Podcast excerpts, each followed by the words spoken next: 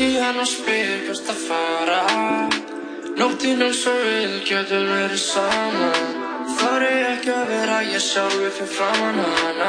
Rúla mér eina og við byrjum að tala saman. Tala saman, alla virka daga, millir fjögur og sex. Góðan daginn kæri hlustendur, það er síðdeis átturinn tala saman sem helsaði hér. Og slæðinu fjör, Jóhann Kristófer, Jakob Birgis og Lóa Björk með þér hér í síðdeinu. Krakar, gafna að vera hana með ykkur. Sömmulegis. Já, mikill heiður. Mikill heiður. Ég ætla að segja, við erum landslið í flippi, svo fatta ég hvað það er astnalegt. Já, ég Látt ekki svona, það er ekkert Er aðsnalegt. það ekkert astnalegt? Mér finnst það töff. myndi alveg segja Já. að við værum það sko. Já, það ekki. Jú, Er ykkur flippaðar en við? nei.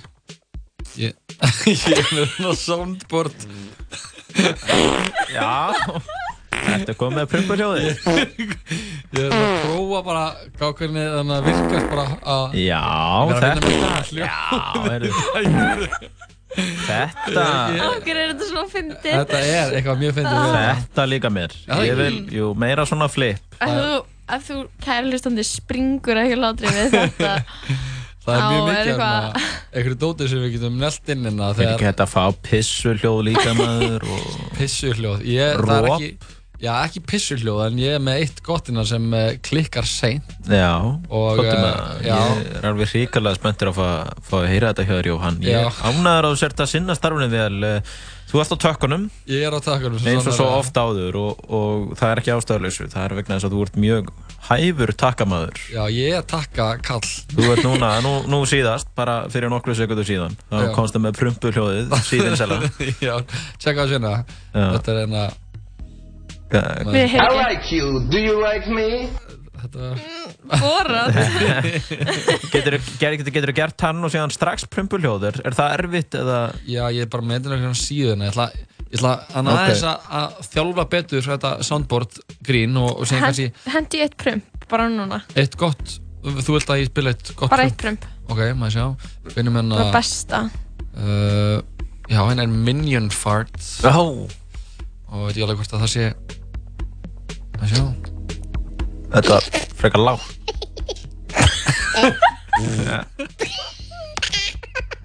Já, Og þetta er svo mikið mood. já uh, Við erum alltaf orðin eins og þátturinn í núna. þegar- Þetta er uh, tala saman sem er alltaf virka daga.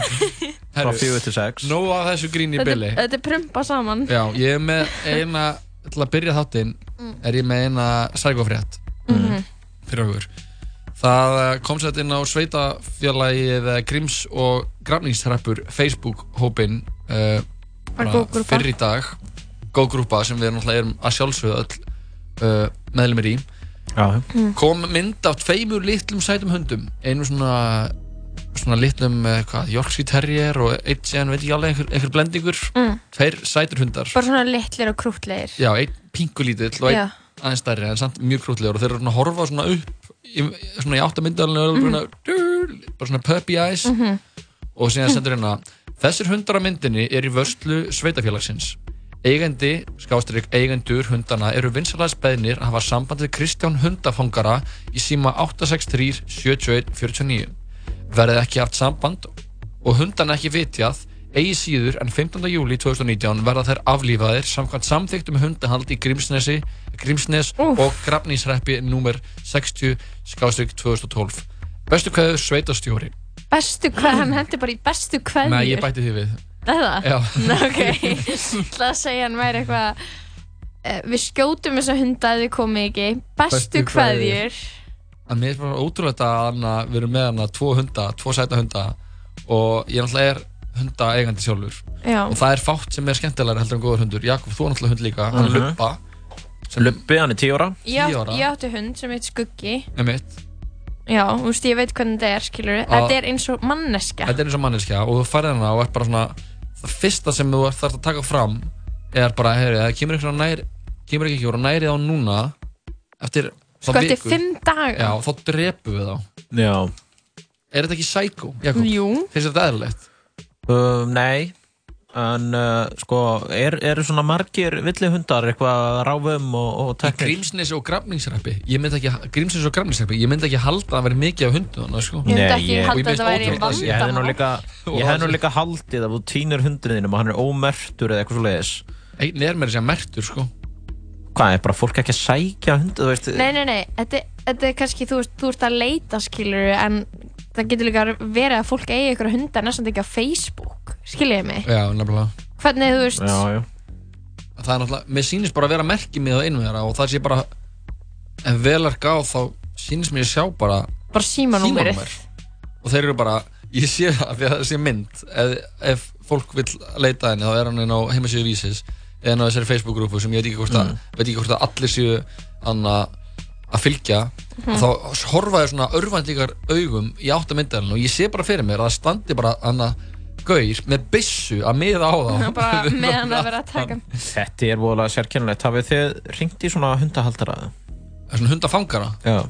Nei, Menur, fyrir hvað, eða þú veist í hvað skyni, bara til þess að sækja hund eða? Einu sinni var ég grunnskóla Já. að lappa heim og það bara kom hundur til mín byrjaði bara elda mútum allt Mhm. og ég var eitthvað svona, þetta var hann í þar melunum eða eitthvað það var eitthvað svona bortikóli hundur eða eitthvað og, og ég þarna beið hér lengi sko og reyndi aðeins að lappa hann um meluna eða eitthvað svona beið hvort það var ekki einhver að koma ná í hundin og það bara virtist ekkert vera sko nei síðan bara var ég að lappa heim og hann bara held áfram að elda mig þannig ég sett hann bara aftur í garð og eitthvað svona fór að, fór að spyrjast fyrir eitthvað sko Mhm. ég ringdi á hundafangur endanum sko Guð. sem komið að náði hann Hundafangarar eru með Ég alltaf held að slæmt séu illmenni. að þeir eru mjög slæmt svona repertoire allan í kvikmyndum.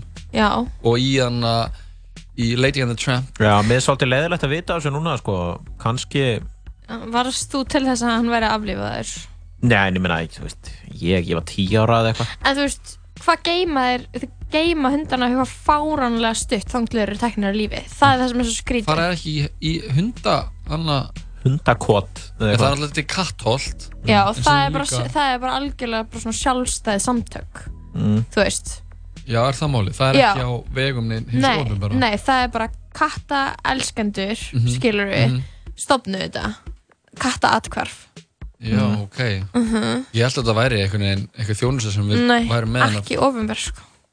En hvert fara sko dýrahjálp.is eða, eða dýrahjálp, er það þá líka hana svona sjálfstætt sjálfstætt? Já, Vá, mér finnst þetta smá skrítið, mér finnst það þetta að vera Þa, þeir hljóta, hlýtur eitthvað að vitja þessara hunda fyrst þetta er núna En- komið í fjölmiðla Já, sko. og það er líka, er líka sko hana, búa mjög mikið af fólki búa Get- sko, er ykkur- gera aðtöðsand er við ykkur þetta komment Já, þarna? En fólk ég- er að segja auðmingjar, ógeðslegt fólk, þessu rugg Ok. Já. og segja alls konar svona Ég lendi nú einu sinni líka, ég var á, á landakotstúni komið tveir hundar hlaupandi ég býð hana með þeim. Sé hvort einhver kom ekki með, ná ekki þá. Já, enginn er í það, þeir voru mertir sko en ég var ekki með síma. Þannig að ég bjóð hana rétt hjá sko og fór með aftur í garðin og, og ringdi bara númerið og, Þú ert bara alltaf með ykkur að hunda en ég bjargaði þeim. Þegar það var eigandi sem áttu á, hann var ekki heima. Þeir hefðu losnað út. Já, mitt ég bjargaði tveimur góðum hundum þannig þeir hefðu getað að fara út á götu þannig og hverju hefðu getað kert á Þannig að það bætur upp fyrir hitt kannski ef, ef, ef hinn var lóa eða eitthvað sluðist hún var ábyggilega lóa nei, nei, hann hefur lífið leið. Já, já, ég, ég ætla rétt að vona það sko. ratað heim og hann er ábyggilega í æmilegri skuld. Þakk við þig. En ég meina það, þú átt ekki að já, að ég veit ekki tínir fólk hundum svona, já, já hundar það getur alveg gerst að hundurinn bara hlaupi burt. Já, Já. og að það er, að þú veist það er næstu í vall einhvern veginn við eigandan að sakast. Þetta er bara stórt dýr með bara með skýran sjálfstæðan vilja. En mér finnst það sko sem fer ef hann vill fara. mér finnst allir kettir vera að tínast. Mér, ég, mér fæ alltaf pínu illt í hjarta þegar ég sé tíndan kött sko. já, kettir eru náttúrulega eiginlega bara svona týndir í eðli sínu. Og líka sko, síðan er alltaf að heyra um eitthvað villi kett og eitthvað svo leiðis, hvernig, hvernig gerist þetta allt? Þetta er svona, alltaf kvimleitt sko, að, að séu kettir sem er engin heimili og, og séu þannig bara eitthvað í hafna fyrir því að í einhverjum, Þú veist, einhverjum þeir, hrauni. þeir fara bara út skilur og svo eru þeir bara vildir Já, og bara og búa sér. bara úti já, og fjölga Já. sér og það er mjög alvarlegt vandamál. Ég á eina góða sögu af, af köttum í Hafnarfyrði veistu, þú nefndist já, ne, nefndi þá nafn. Mm, þá uh, þegar ég opna að vera að hitta kjærastunum mínu núna, bara, ég opna að hitta hana í nokkra vikur sko, mm, þá átti hún ammali mm, og mér fannst rosalega kjút að gefa henni kött.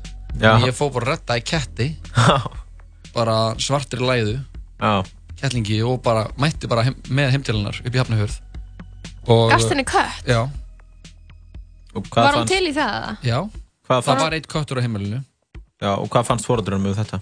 þeim var þetta bara rosalega kjút Ok, en þetta, þetta var náttúrulega smá vesena því að síðan var hún annað kettlingafull Já. og uh, hún eignaðist kettlinga og uh, þeir fóru flestir nema einn kettlinga sem var eftir Já. og, og hann mó, að sérst hann að kattamamman Já. hún heit uh, Mía Er hún lifandi?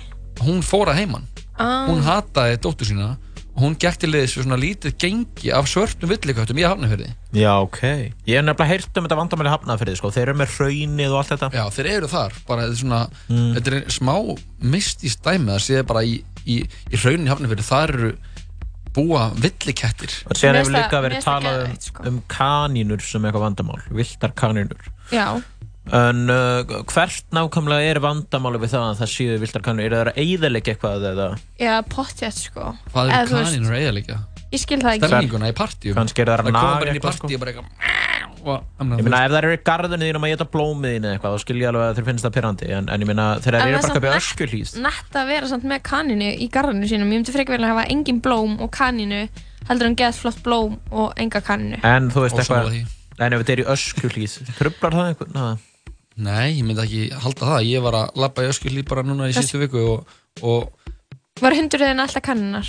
já ég satt með hann í bandi ef, ef hún myndi ná kanínu fá bara uppfylla eðli sitt sem er að drepa kanínur og smádýr þá myndi hún ald, held ég aldrei verða söm. Ég þekki mann sem á svona huskyhund og uh, hann var með hann einhvers staðar uh, einhvers staðar hann aðeins út fyrir borgamörkin uh, í einhverjum svona litlum skógi eða eitthvað, ég man ekki nákvæmlega hvar. Og hann sá kaninu og hann eldi kaninuna þannig til að kaninan gæti ekki hlaupa lengur og hann át hana já, hann át heila kaninu þetta er eðlilega sér að hunda. Hann át hana alla. Já. hann skildi ekkert eftir. Það er bara kynntinni bara. Já, hann bara, hann bara horfði hundur sem borða kaninu og stóð gaurinn bara var bara Nei, þess að það gæti ekki gert, hún var bara að hlaupa svo langt í burtu Já, og já, einmitt. bara náði kanninu endanum þegar kannan bara sprakk. Og síðan bara kom hann upp á hundinum og, og þá ropaði hann bara svona beinagrindin út. Já, bara svona kláraði hann eitthvað, horfði á hann svona klára kanninu sko. Já. með það þetta nú svolítið, svolítið mikið sko fyrir mynd meg ég vona allavega að þetta leysist með þessa hunda. Ég vona Ég- að þetta, þeir drepi ekki Já, þessa tvo litlu kjút hunda. Fyrst að þeir eru komnir í fjölmjöla þá held ég að þeir verða annarkvort vitjað eða einhver hann takið að sér. Já, ég, við, við sko líka eh, fólk týnir hundinu sínum að, að ringja líka í þessa menn, þannig að þessa hundahaldara. Um, eða eitthvað, bara tjekka öllu þeir gætu verið með hundiðin mögulega og hérna, það er svona leiðilegt ef að, hundurinn er lófað sko. Já, bara hei, hann er við erum með hundin Mm. og já, ok, getur sótt hann, já, hann er samt dauður. Já, við skuldum hann, Új, það er alveg hrikalegt. Fá Eh. mitt viðandi lagina og sjá, það ekki Who let the dogs out. já, Það er svo gott að...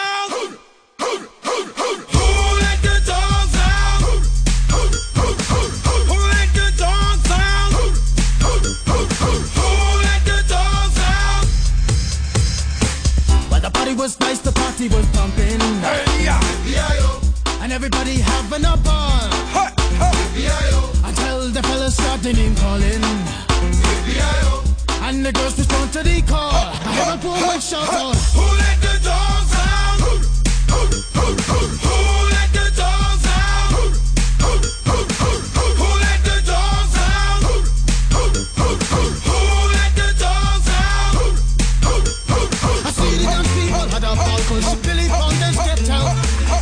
Get back, Gruffy, get back, you flea infested mongrel. Gonna tell myself I man no get angry. Two eighty cars calling them K9. Hey, but they tell me, hey man, it's part of the party. You put a woman in front and a man behind. I heard a woman shout out, Who let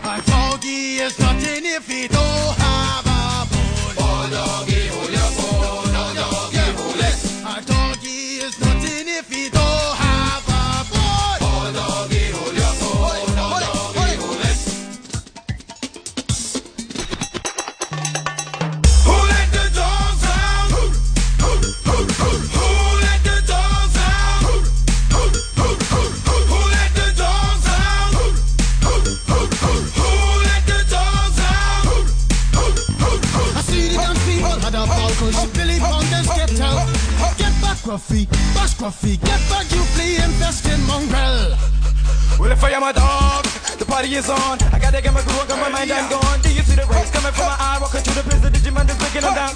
Me and my white socks, short, dealing, gassy color.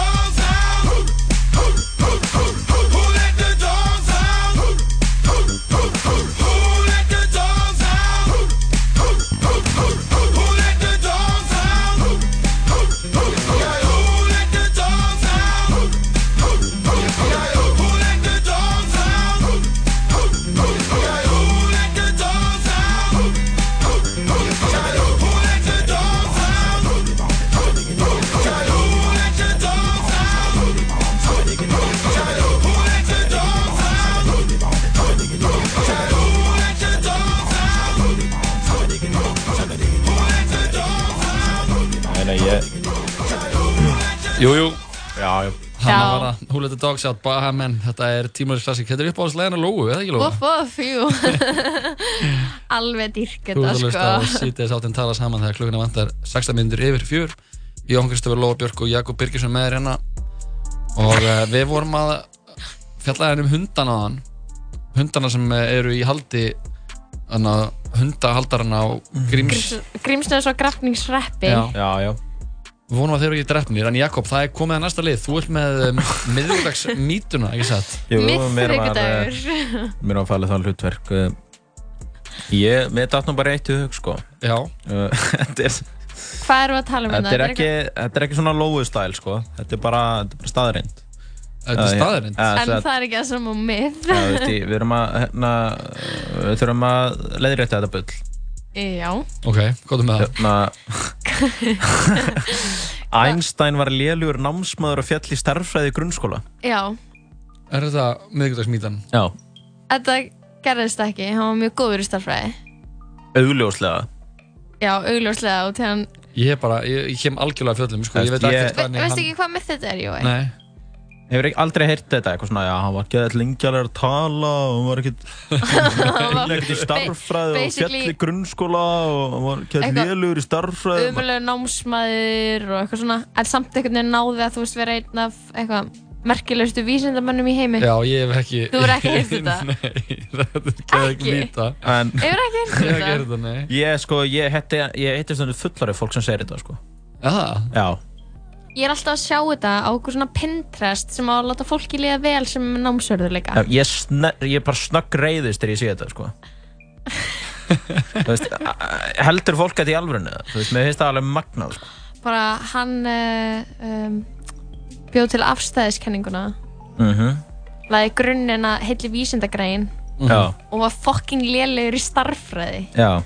Bara En ég er svo sem líka maður að mýtu sem er hvað? Ef þið viljið vil ég ræða þetta eitthvað meira? Ég er alveg til að sko að aðeins að spyrja hvaðan þetta hérna kemur, eða þú veist, hann að því ég hef ekki heyrt um þetta á hann, þið segja að, við- að þið hafi Ég, ég held að þetta sé bara eitthvað svona sem hefur gerst á einhverju svona, hvað heita allar þessar síður með eitthvað svona fallegu myndum, já, Pinterest Og eitthvað Tumblr. svona, Já. já, eitthvað svona hugreista fólk, skilur Já, þannig að, þú veist, uh, þetta er eitthvað svona, já, heyrðu, þetta verður nú allt í lagi, þú veist, Einstein var loser í grunnskóla, þú getur endað eins og Einstein. ég skil, já Þetta Að einhvern veginn vekja fólki byr undir báða vangi Já, þetta er svona sama og eitthvað þessari töndur skrifaði svona fyrstu bók þegar hann var 100 ára, færtugur já. já, og fram að Þú því ert ekki Hann var ólæs 30 ára, Já, einmitt.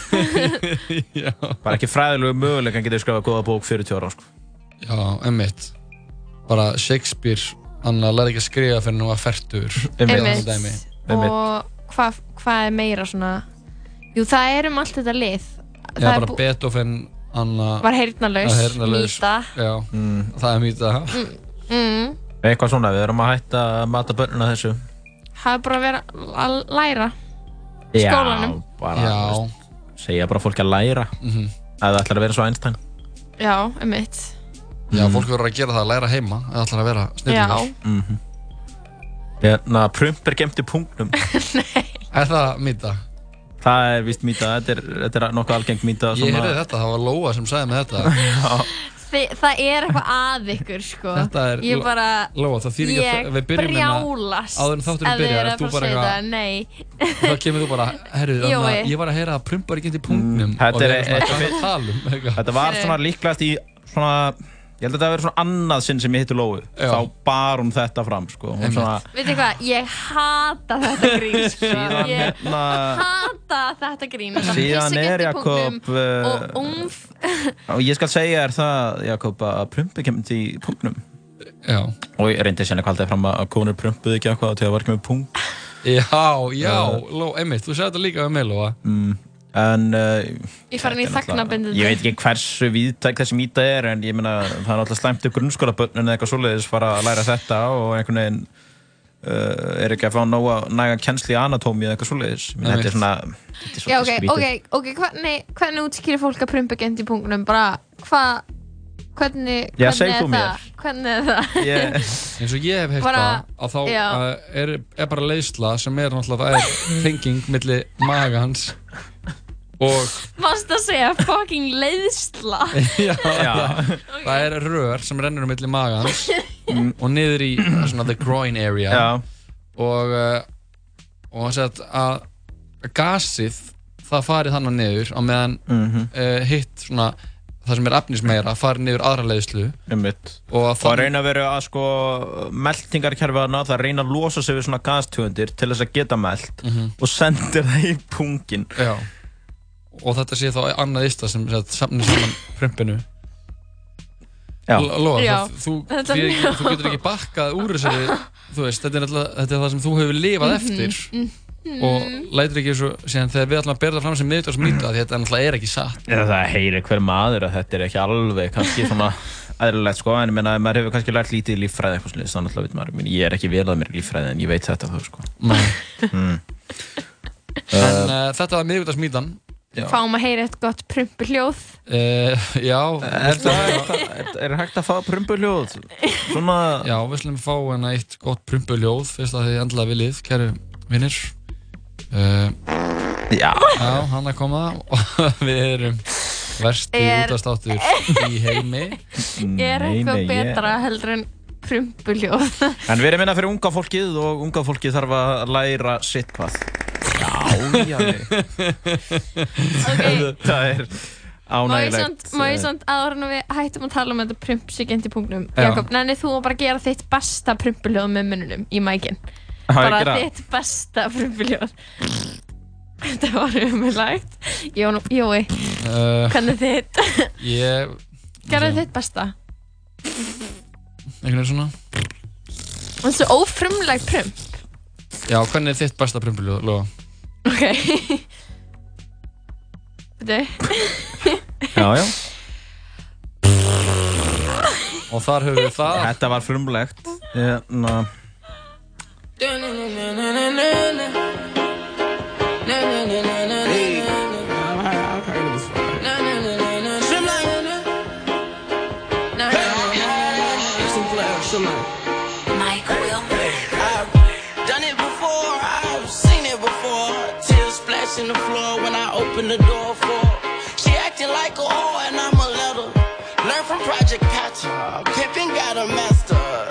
Girl, improvise. Look me in my eyes and lie to me. Lie to me. Act like I'll believe anything. Sex on the beach and in the backseat. This could be us. So back to what I was saying. This could be us, but she playing. This could be us, but she playing. I'm high, I don't sound crazy. Fuck what the niggas was saying. But she playing. This could be us, but she playing. But shit, that's all I was saying. No keys to crank this Mercedes. I bought like Tracy McGrady. Before that girl touch anything, she gotta say please. Say please. And I know they really wish we would ball till we fall. I'm the big bad wolf, it's a full moon, y'all. Talk the money in the act, girl. Watch how your dreams hit the floor. Uh, wait till I get the buzz off this drug. Damn, girl, you way too fine. For a local club. Killing someone's vibe should be a fucking crime. Wasting someone's time should be a So back in crime. I was saying, this could be us, but you playing. This could be us, but you playing. I'm high, but I don't sound crazy. Fuck what the niggas was saying. This could be us, but you playing.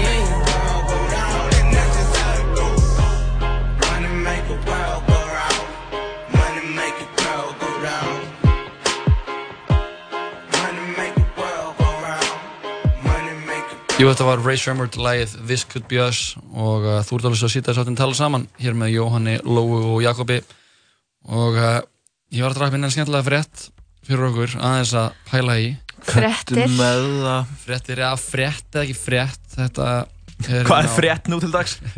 Er þetta frétt eða? Nákvæmlega Negli eitt prumpu ljóð Já. En uh, þetta er af henni Tönju Ír sem er Anna Hver er það? Feradrottning og uh, áhrifavaldur Mm. aðtapnarkona Hver, er, hver er hún satt aftur? Hún uh, kefti í Ungfrú Ísland hvort hún hafi ekki orðið Ungfrú Ísland Eru að tala um, hún er svona ljósærð Veitu, hvað, hvað gæla er þetta?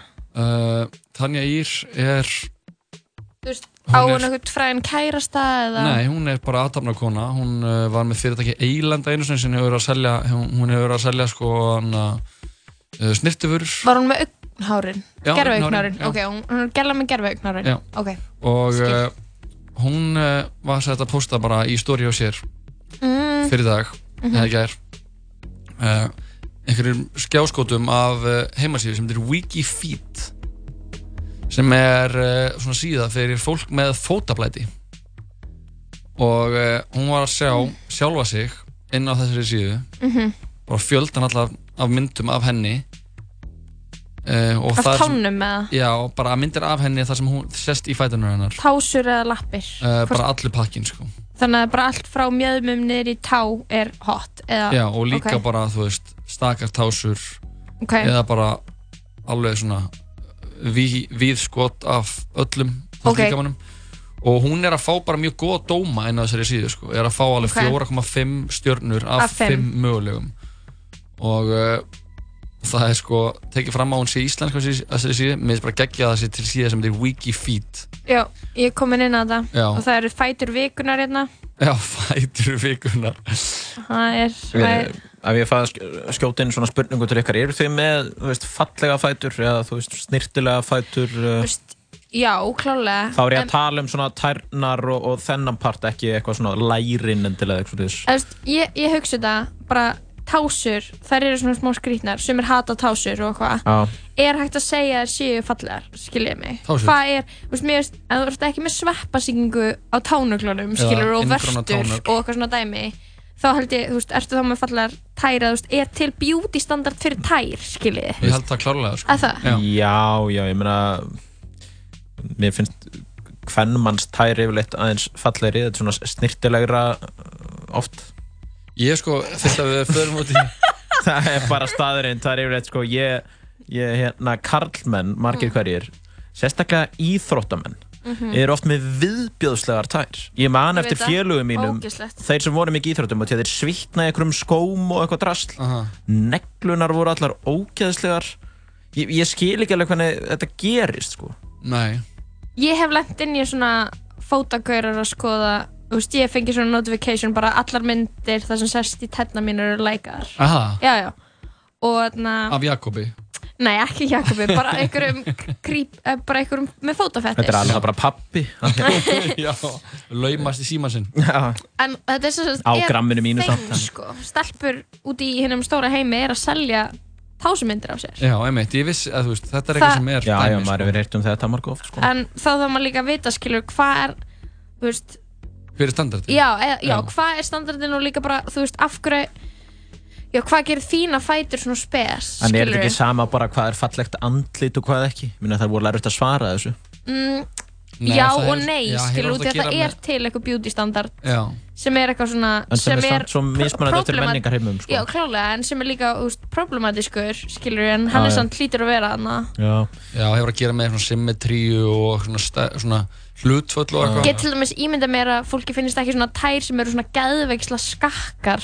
Þær eru kannski ekki uppáldi þetta sé bara skakkar tennur Ég held að ég- standi í allar áttir. Já, ég held að ég sé ekkert með eitthvað mjög fallegar tær en, sé að ég- fara úr sokkunum. en ég held ég sé ekki með, sko, ég er að fara ég, hérna á ég ætla sokkunum. að fara líka úr og ég held sokkunum. ég sé ekki með ógeðslegar tær. Mér þú bara með mjög fínar tær. Þú veist, Ok, Ég held sko en, nefnilega, hvernig eru mínar? Þínar eru allir bólgnar, allir bjú Það er ekki satt. Nei, lágaði með frekar fallega tær Æ, Sko, það, við fyrstu vorum með miðugragsmítuna þá ég, heyrði ég oft þegar ég var yngri eða þú veist, ég heyrði ekki oft, ég heyrði það einhvern tímann að í svona sokkaböksuna auðlýsingum Já, uh, fyrir sokkaböksur sem konur versla að jafna Mhm. að það, það væri oftast notaðar karlmannslappir í þessar Já, auðlýsingar mér finnst það óþólandi Bara hvað er það? Það er út af því að það er kannski bara anna, að það er falla betur að einhverju hugmynd um hvernig lappir eiga að vera. Ef þú tekur bara eins og hann, ef ég myndi að raka lappina mínu núna og taka mynda þeim og láta þeim svona síðu þá myndi ég fá alveg solid 4,9 held ég en á Viki Feet hefur þú bara- á þér lappina? ég hef rakað með lappina Ég held við ættum bara að láta þetta reyna, jú Ég held bara í næstu viku, rakar lappirnar og setur þær á viki feed Já. Joey Christ Já. og svo bara byrja ratings að þetta Nei, ég myndi, gera, ég myndi þurfa að vera sem, sem kona því að það Ok. er bara hluta blætun held ég að það sé Jojo, bara Ah. Jojo Jojo Bjork Já, En, en sko ég hef rakað með lappina, það er geggjað Er að gera það? Já. En verða það ekki, já, um mitt Því ég er með mjög Ok. loðna lappir Já, sko. ég ok líka Jói bara í næstu viku, þá set ég mínar inn og þú setur þínar og við sjáum bara hvor gengur betur. Ok, ég er bara til í þetta challenge. Ok. Ég skal bara hérna reyna að leiðbinn ykkur. Ég er náttúrulega með Svona með, má ég sjá tætna þínar? Ég var ég nenni ekki að fara sokkunum aftur. En, en, en sko, finnst ykkur tær ógíslegar almennt eða eru þið með eitthvað að sérstakar skoðun á þessu? Mér finnst tær bara fínar nema bara svona þegar ógæslega sveppasýking og eitthvað þannig. Já, sem já. sem ég er verð geðið mikið vör við í klifri. Já, Þú já, veist- auðvitað. Þú veist, ég er í klifrinu og þá sé ég alveg bara ógeðslega tær Þetta er sko. einmitt það íþróttir. Já, íþróttir. Þetta er svona Ég, ég bara, ég hef voðalega illa skoðun á tám Ég bara, með þess að deyfilegt fínt Já, mér finnst það bara mjög fínar. Ég ætla, Það sem ég þjáir smá af er að ég er með sko mjög þunnar táneglur. Já, þannig já, að þær þurfa ekki að vera langar til þess að ég geti bara skorið fólk með þeim. Já, ég gæti farið inn í, inn í banka og bara haldið upp í löppina mér og sagt bara þetta er rán fólk verður bara hvað mennir þá geti ég bara svona skorið Slæsa, já, þú erum slæsa með það langa En- táneglur Nei, það eru svo þunnar, það, er ekki, það þurfa ekki að vera langar, það eru bara svo þunnar En með þetta, ég held sko að svona, eins og margir íþróttamenn og svona, ég held þeir þurfa bara að læra að sjá um þetta sko.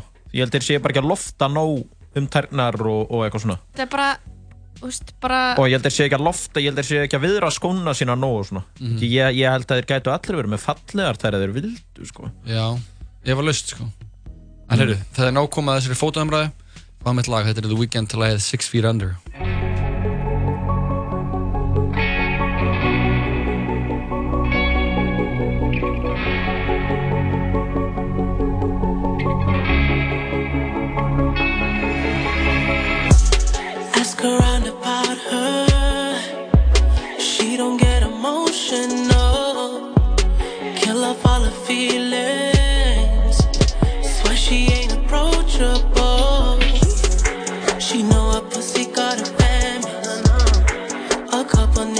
with a suitcase.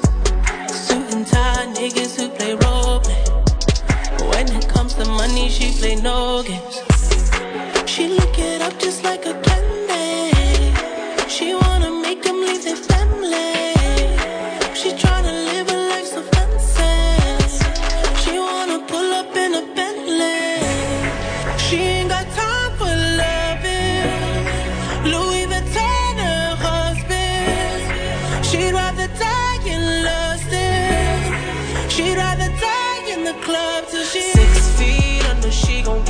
Fucking paper. Six feet under. She gon' get that fucking paper. Six feet under. She gon' get that fucking paper.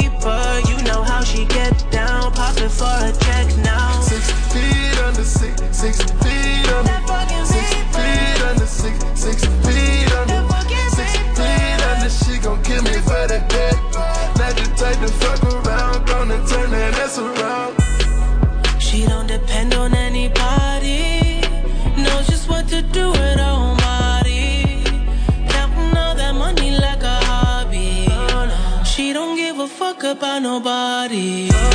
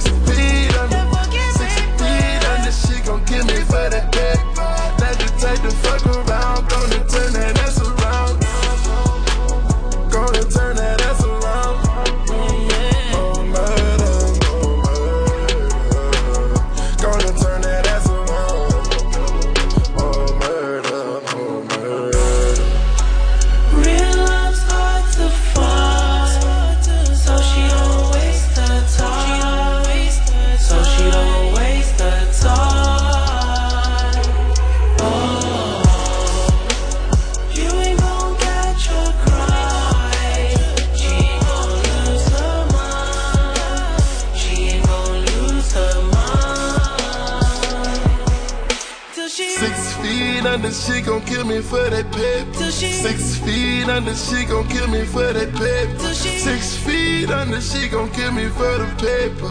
Not the type to fuck around, gonna turn that ass around. Jú, kæri hljótt, þetta var Six Feet Under með The Weeknd. Þú ert að hlusta á síðan þess að tala saman klukkuna vantar 22 minnur í 5. Jóhann Jakob og Lóa með þér hérna í síðaðinu. Jakob, þú varst með eitthvað góða frétt fyrir okkur. Ég, Ég er nefnilega með, já, að sumum finnst hún góð, öðrum finnst hún öruglega miður.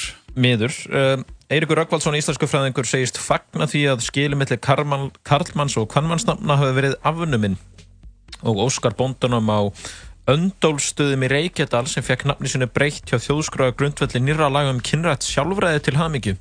Hann heitir nú Sigriður Hlinur Helgusson Snæbjörnsson en hétt áður Sigurður Hlinur Snæbjörnsson. Það er ekki bara glæsilegt eða? jú, Eiríkur segir málsamfélagið verða að svara spurningunni hvernig skuli beigja nafnið Sigriður sem nafn á karlmanni. Uh, og já, Eiríkur Röggvaldsson uh, leggur til að, uh, að við séum ekkert að, að breyta beigingunni neitt, sko. Nei. Bara hafa það eins og það beigist, bara hér sigrir um sigrir frá sigrir til sigriðar. Að það sé ekki til Sigriðs eða eitthvað álíka. Nei, það er skrítið líka. Uh, Er það ekki líka svolítið svona, þú veist, andstætt tilgangnum að vera eitthvað ákveð, hann velur sér þetta kvennmannsnafn og síðan fara að beigja það eins og eitthvað karlmannsnafn og það er eitthvað tímann tilgangur. Eiríkur segir Nei, sko það. uh, í fljótu bræði verist svarið liggja augum uppi orðið Sigriður heldur áfram að vera kvenkins nafnorð og beigist sem, og beigast sem slíkt þótt karlmaður byrði það Mhm. og þótt sturla sé greint sem karlkins orð í íslensk orðabók hefur það kvenkins beigingu og engin ástæð til annars en að greina það sem kvenkins nafnorð það þar sem, uh, það þar sem, sem sé ekki að vera samræmi millir málfræðilegs kynsnafns og kyns þess sem ber nafnið þótt svo sé vissulega oftast nær Mhm. Nú, þannig að þetta er bara greinilega komið í gegn Já, þetta vekur upp spurningar hjá mér. uh, Ef uh, þið myndu þurfa að taka upp nafn Karl, Karlkins eða Kvenkinsnafn, Mhm. hvort, hvaða nafn? Ef við mættum bara velja með hvaða kallmannsnafn sem er. Já, Ok, þú verður um, svona össur. Össur. Já. Ó, ég veit ekki, sko. Mér er samt svolítið fyndið sko að uh, að uh, Sigriður Hlinur, bóndinn segir Ég er hast, hæst ánæður náttúrulega Ef ekki væri svona mikið að gera í dag loksins kom heiskapar veður þá hefði ég farið út í vínbúð keft mér kampænsflösku og skotið tappanum úr en ég held ég hafi ekki tíma til þess í dag Gæin er bara eitthvað í heiskap og heitir núna Sigriður Það er bara doing the thing En það virðist að vera að mannanamnemnd geti ekki ennþá neitað svona byrðinum að mista kosti. Það virðist vera. Um, þannig að hérna, þetta er bara kynrætt sjálfræði. Þannig að Já. ég get uh, heitið Sigþrúður eða eitthvað eins og amma. Myndir þú heita Seyþrúður heldur ef þú værir Ef ég væri kona? Nei, ef þú myndir vilja þurfa að breyta um nafn Uh, ef ég þyrft að breyta sér þetta í eitthvað kvenkins nafn. Þú veist... Sigþrúður Birgis? Já, ég meina, amma heit Sigþrúður. Mhm. ég, ég, mér finnst alveg fínt að vera Sigþrúður. Já. Sýsti mín heitir sko Hanna Sigþrúður. Einmitt. Hún er eina, eina sískinni sem ber sem sagt tvö eiginöfn. Mhm. Já, já, einmitt Bara að- Sigþrúður heldur Mér finnst þú ekki alveg vera Sigþrúður Nei, ég er sammála sko Mér finnst þú ekki Mér vera finnst þú Sigþrúður meira vera Jóna eða eitthvað Mm. Æ, ég veit ekki alveg hvort það Jakobs er Jóna Filipía Mér finnst samt sko. Ég held að Sigþrúður sé dæmi um svona nafn Þeir finnst enginn vera Sigþrúður nema viðkomandi heitað og kynnist viðkomandi sem Sigþrúður. Sigþrúður alltaf vera gömul kona. Já, já líka fyrir mér í raun og veru vegna þess að Sko, ef að amma Sigþrúður- og er Sigþrúður. Hún var að- hvað þetta dista. Ef að Sigþrúður, að er ógeðslega heit gæla bara Megan Fox Já. heit gæla og heitir Sigþrúður. Já. Ég er bara að segja að það væri skrítið. Já, það væri skrítið. Ef Megan Fox héti Sigþrúður Fox Sko, mamma er voðalega ánægð með þessa nafnbreytingu sko. Hún, hún óskar uh, Sigriði til ammyggju og segir Ég, rétt eins og hann, ég er skýrði í höfuð og ömmu minni. Þetta er skemmtilegt að mamma mín og, og Sigriður eru bóndi í eitthvað sammeilegt sko. Já. Það er Ég er alltaf- skýrir í höfuð á ömmu minni. Já.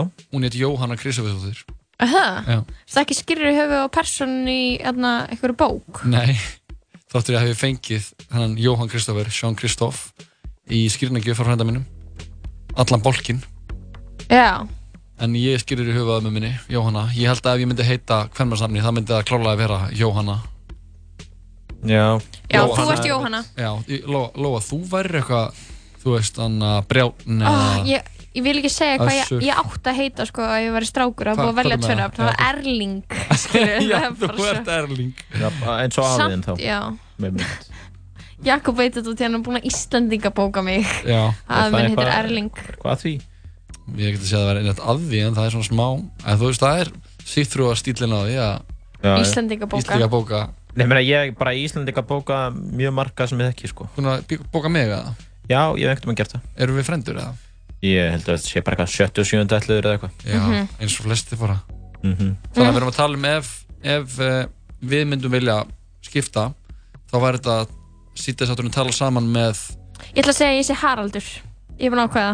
Ég ætlaði að mynda að segja Haraldur Orri. Það meikar sens, þú gæti verið Haraldur. Ég veit það, ok Með Haraldi, Sigþrúði og Jóhannu Já, ert þú Sigþrúður? uh, Dista Dista, já. Sigþróð kallu Dista eða Já. kallaður Dista Ég þarf ekki að breyta mínu eigin kynni þó svo að ég byrji ja, kvenkins nafn. Nei, við komum aftur eftir smástund með eh, kvikmyndina Og góðan gest. Góðan gest, vikulegu liður hjá okkur. Þar sem við fáum gest til að segja frá uppáhaldskemmundu sinni ekki fara neitt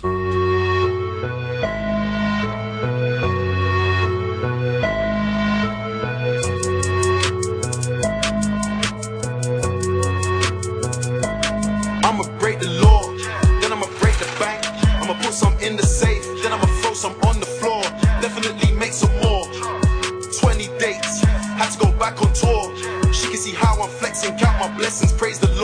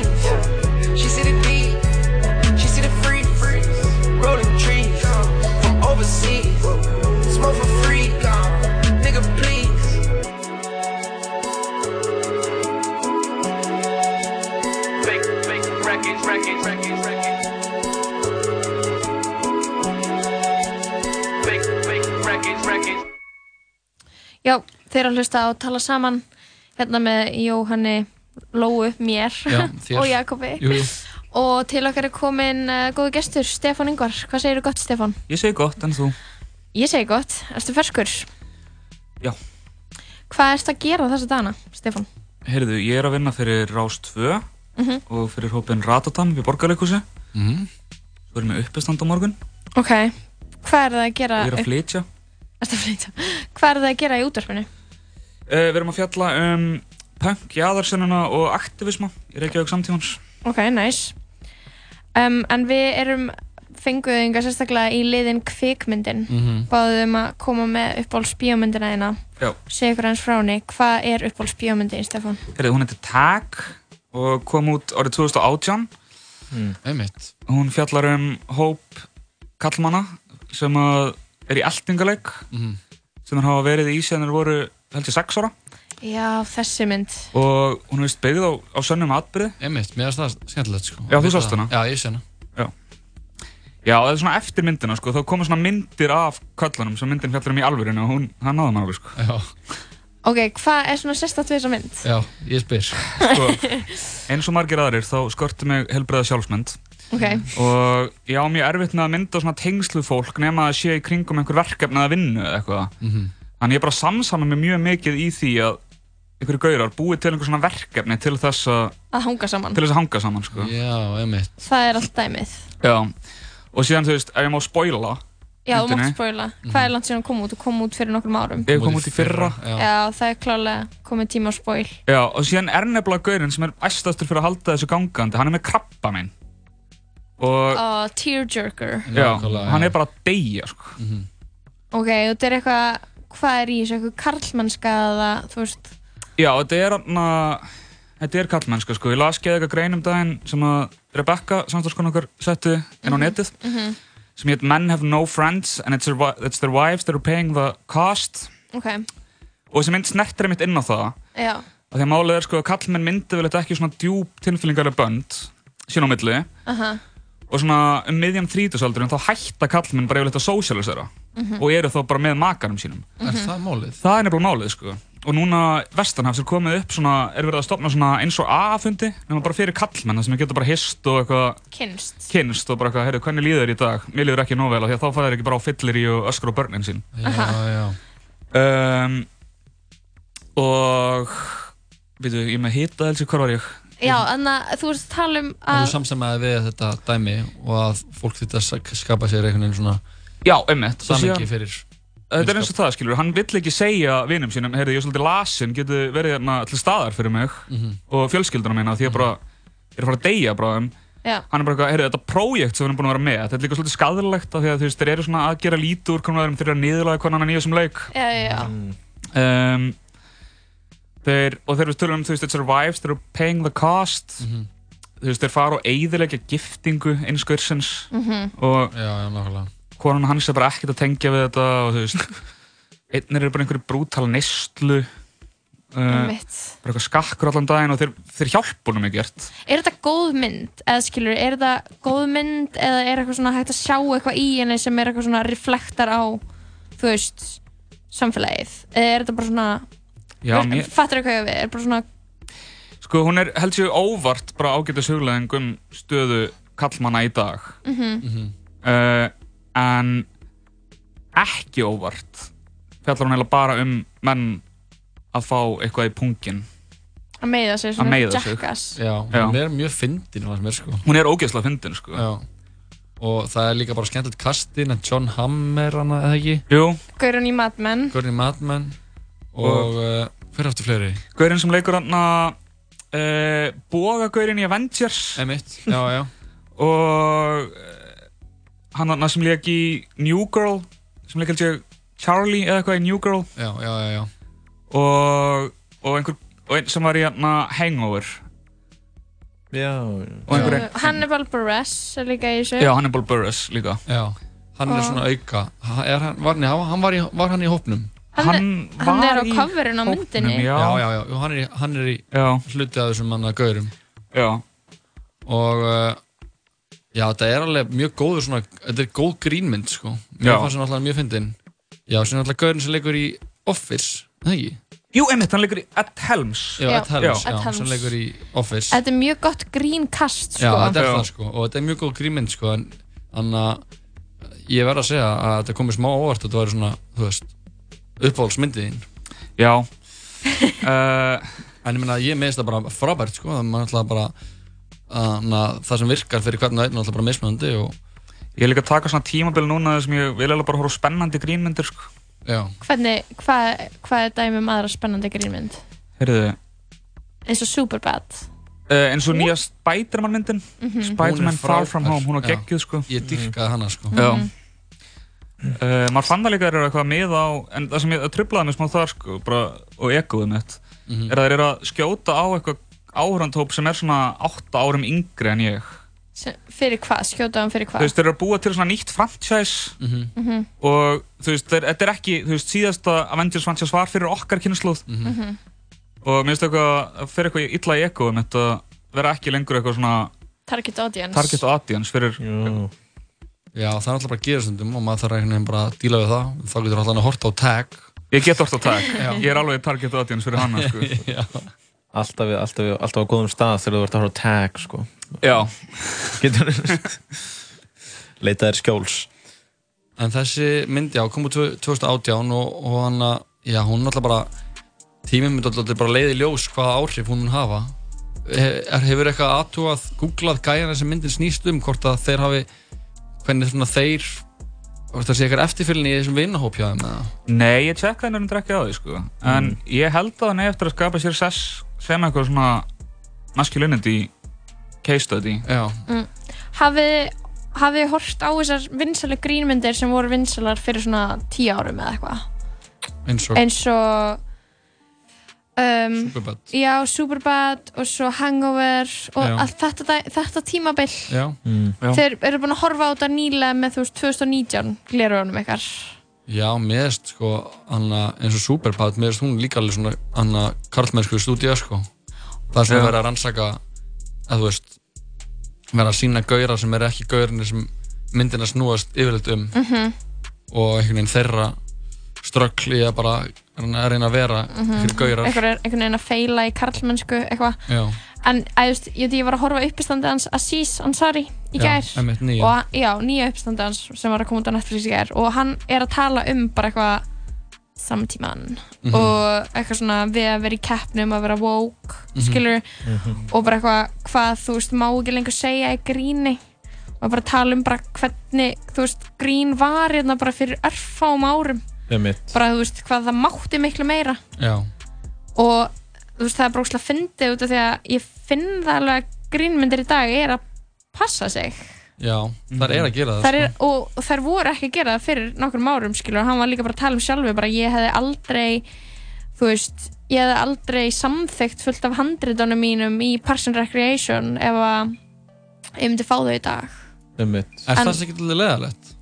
Ég, þú veist, ég veit ekki út því að hann er bara að segja þetta er bara svona þú veist, hann, hann var ekki að falla eitthvað dóm um það hvort þetta veri gó, góð eða slæm þróun, skilur nei.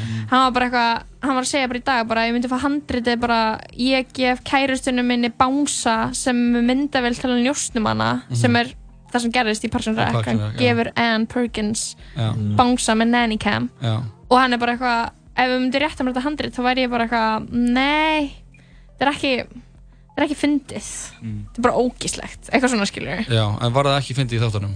Ég, þú veist, man ekki eftir þessum part Nei, ég horfði á, á, á þessar síðustu til seríur um daginn aftur Mhm.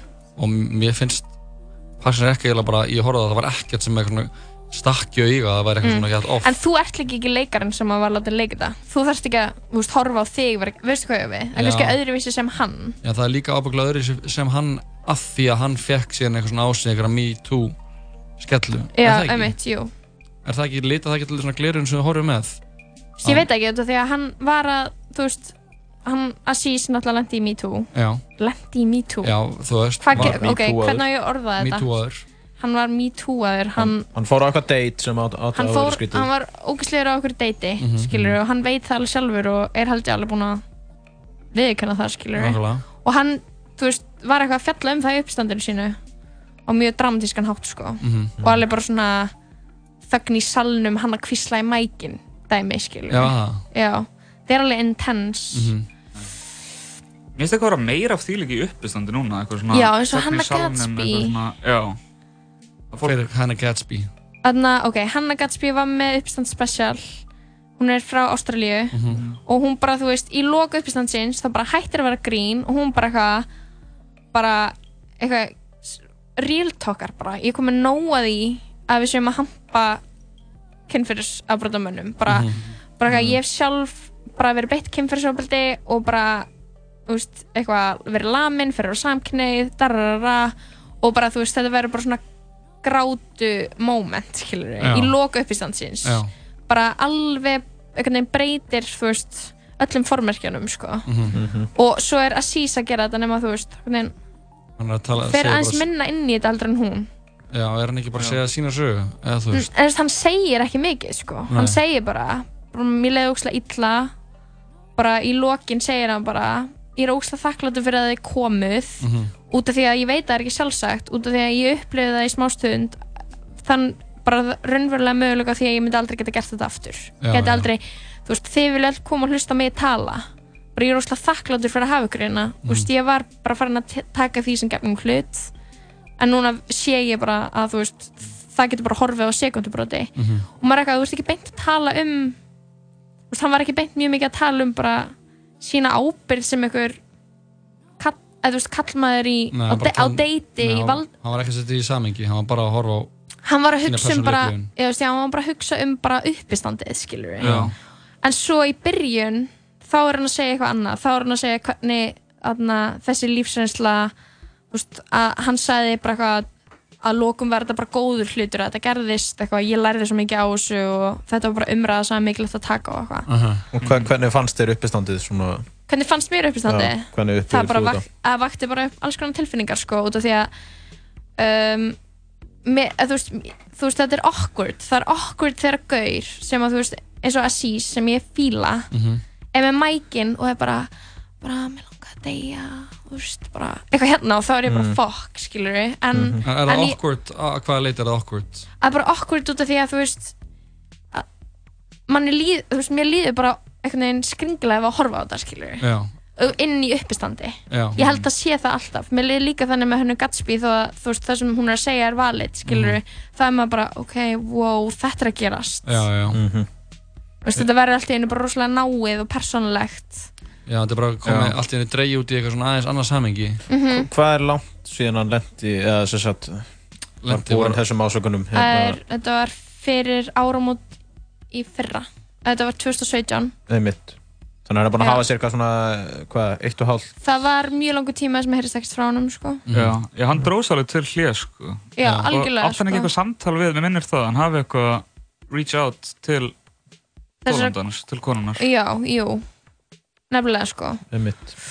Þetta ekki, mér finnst það alveg flott að þegar fólk er að leifa sér að vera alvarlegt í uppisandi mér finnst það alveg svona þetta er náttúrulega bara þetta er náttúrulega sviðslist og, og, Mhm. og, og það rúmar alveg að vera að fara að reyna þess á þolmorkin í forminu að Mhm. þegar anna bróðurpartur kvöldsins er grín Mhm. þá finnst mér bara frekar dýnumist að hafa líka eitthvað annað Mhm. þráttur að það sé okkur en það er líka svona eitthvað sem anna, áhöröndin þarf kannski aðeins bara að að þú veist, maður þarf alltaf að anda kannski bara inn í það þegar maður er Já. að sé Mhm. ekki fyndið upp þetta er að sé allt í mjög alvarlegt gaman að þetta sé ekki alltaf eins líka bara það er Mhm. svona þú veist, einhver vil kannski reyna að hafa einhver bóðskap í sínu uppstandi eða ekki ég meina það er bara þú veist, hver raun getur fundið sitt sko Er ekki líka eitthvað svona bara breyttar aðstæður í samfélaginu? Mér líður eins og svona fyrsti áratugur, 2001. aldran og fram á þennan annan hafi bara verið rosalega mikið eins og, tíu, eins og níunda áratugurinn annan vestanhafs þar sem það voru bara allir á kókaini og alltaf ógeðslega gaman hjá öllum. Mhm. Og núna er kannski komið á einhvern stað þar sem að við þurfum að hugsa líka að þú veist það sé Mhm. krafist einhvers meira af okkur heldur en bara skemmt okkur. Já, hann er klálega að tala um í þessu uppstandi er hann klálega að tala um bara svona sína ábyrð og sko okkar ábyrð en líka á sama tíma bara gera grína okkur fyrir að vera svona bara gera grína hvítu fólki fyrir að vera svona obsessed á því að vera að tala um rasism alltaf Mhm. skilur, þannig að þetta er bara svona að ég veit ekki, hann er rosalega mikið að fjalla um bara eitthvað samfélagsástandið, skilur það er basically það sem grínistar hafa alltaf gert Mhm. eða það ekki, eða þú veist og líka Jú, það er svo eða fín að það er svo fín lína en það milli líka að vera bara ógeðslega alvarlegur og vera fyndinn Já. Já. hann er bara þar, skilur og, já, ég veit ekki með það sem ég finnst oftast finnast þannig að Mm. ég horf á grínþætti sem eru finnir en það sem ég finnst oftast finnast er það sem er fyndið og sorglegt á sama tíma Mm. eins og bara með Nathan for You gera það það eru grínþættir Mhm. sem eru svona mockumentary látnir Anna, Nathan Fielder sett grínisti og hann mætir í, til fyrirtækja og þykist eða þykist ekki, hann segir bara ég er hann viðskiptafræðingur og ég er með hann hugmyndir fyrir fyrirtæki til þess að geta vaksið og dafnað Mhm. Mhm. og annar undirleikandi þráðurinn í seríunum er að hann er einmanna kallmaður sem á ynga vini og ekki maka og langar ekkert meira heldur en að finna sér bæði Mhm. og anna, þetta er stumt er ekki leikið þó maður er alltaf að spyrja sig er þetta leikið, er þetta leikið, er þetta leikið, er þetta Mhm. alvöru Mhm, mhm. og það finnst mér að vera þannig að þú veist, það, þetta er þetta er allan það sem ég er hrifnast að í gríni Mhm. mér finnst það bara flott að það komir líka inn í Mhm. inn í uppestand eins og Mhm. bara eins og náttúrulega- hann er náttúrulega ekki vinsat í, í þessu þessu samtali en Ricky Gervais anna, eins og bara hann var á Golden Globes þegar hann var að anna, tók tvær eða þrjá legendary ræður á Golden Globes sem hann var að kynna Mhm. og var gæð mikið að kóla út allt liði í Hollywood og allt sitti sem það búið að gera. Mhm. Mhm. og, anna, og tala um hvað einhverja myndir eru lélegar og það er svona bæði pínlegt en það er líka ókvæslega fyndið. Einmitt. Síðan hann er alltaf með þessa afterlife þætti sem eru svona sorglegir og fyndnir sko. Já, einmitt, ég hef heyrt það, að þeir séu daldið þar. Það, það var hérna svona mann sem er nýbúin að missa konuna sína. Já. og það er svona fyrir alls konar rússipanna Já. Og klón líka sem leiðis og, og Your Enthusiasm þannig að mér er bara flott að þetta sé gerist í stand-upi líka sko. Mhm. alltaf er aðeins það er náttúrulega sliksmun á svona það sem er verið að leika með eitthvað samfélagslega norm og eitthvað. Og þegar uppistandari er, er að segja eitthvað já ég gerði þetta. Mhm. mér þykir það mjög leðilegt ég held að þú veist, fólk þurfi bara að horfa á þetta líka. Fólk þarf smá bara að gera upp við sig bara, er ég þú veist, bara eitthvað er ég, held ég með að sísa það ekki, þú veist, og hann er líka bara að spyrja áhörendu bara, eru þið búin að gefa R. Kelly upp á bátinn, eru, eru þið hægt að hlusta á Michael Jackson Mhm. bara spyrja, þú veist, og svo, var hann bara, og svo er hann líka bara, heru, hvað það Michael Jackson að misnota mörg börn þanglu og hættir að fíla þig við þetta lag Emitt. og bara, þú veist, þessar spurningar sko, það eru mjög valid sko. já, En- 100% fyrst við erum að tala um uppstand það er uppistand á morgun Já, heldur betur. Stefán. Já. Uh, það er uppistand á morgun á Hard Rock. Mhm. Uh, Fyndnustu mínar pluss einhverju gaurar. Mhm. Það erum við Lóa Björk, Vili Mhm. Netto, Rebecca Lord Mhm. og Salka Gullbrá. Mhm. Og, og það verður ekki alvarlegt, held ég. Ég er reyndar alveg búin að skipta um gýr, ég ætla bara Nú ætlar það bara að lesa sorglegustu ljóð sem hún þekkir. ég ætla bara, að nei, tjók. En þú veist, það, mér finnst við öll bara í uppistandin okkar uh, vera líka með eitthvað svona topics sem eru kannski ekkert eitthvað bara fyndin. Nei, líka kannski smá sorgleg, Mhm. þú veist.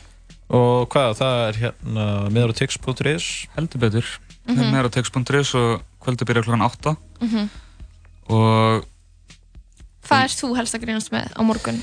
heyrðu, Stefán? býtu, ég... Aðeins að vera með spoilera. Ég er að grínast um alls konar uh, Ég na, Ég eh, er með karakter sem heitir Gauður sem er vantar að sparka í pungin á sér Mhm. sem ég hef flutt nokkur sinnum á uppistandi og er aldrei virkað Mhm. en ég er viss um hann muni virka á morgun sko. Þú ætlar ekki að gefa hann upp á bátinn? Nei, ég ætla aldrei að gefa hann upp á bátinn Hefur hann aldrei virkað vera þessi gaur? uh, Að virkaði í afmælinu mínu fyrir tveimur árum Ok. en þá voru það líka bara vinið mín og það held allir með mér mjög mikið Mhm. uh, ég flutt hann síðan okkur svona á uppistandi og fólki hefur ekki liðið vel en það gæti líka bara verið svona túrjól af því að þetta er sársöki sem margir kallmenn tengja við Já. að láta sparki pungin á sér Já. það er rosa vond Já, og lofa You'll never know Nei, en hversu vond er það strákar? rosa vond Hversu vond? fucking vond Já, þetta er svona eitthvað skrítin, skrítin sársöki sko. Já, sko, þegar það fer, þegar þú fer svona spark í pungin og það fer svona stingur upp í maga þá er það ég fengi þann sársökaðar því ég fekk nýrnanstein og þá var sá, þessi stingur í maganum króniskur Já.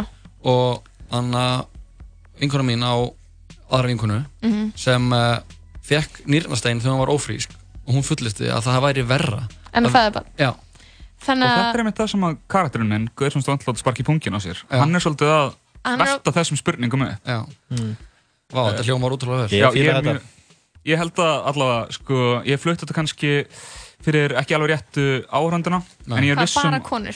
ég bara flutti þetta fyrir konur Já. Og þær hafa bara ekki náða að samsama sig. Nei, en það er áhugavert líka með uppstandu okkar. Það eru 80% sem koma á uppstandu okkar stelpur. um mitt Kannski eitt er karakterinn frekar að hata að fæða börn eða Já, en ég held núna er kannski einhver kallmenn sem heyra þetta í útvarpinu. Mhm. og Og þeir hugsa, koma- heyrðu, þarna er einhver sem ætlar að taka umræðina Já, og taka þessu umræðu. eru á leiðinu núna á tix.is Stefán, takk hjá fyrir komuna. Gangi Takk. ykkur vel á morgun. Thank you. Við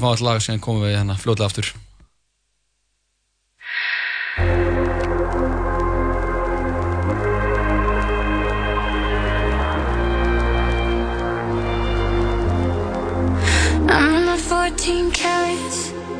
I'm 14 carat. Doing it up like Midas. Mm. And you say I got a touch, so good, so good. Make you never wanna leave. So don't, so don't. Gonna wear that dress you like, skin tight.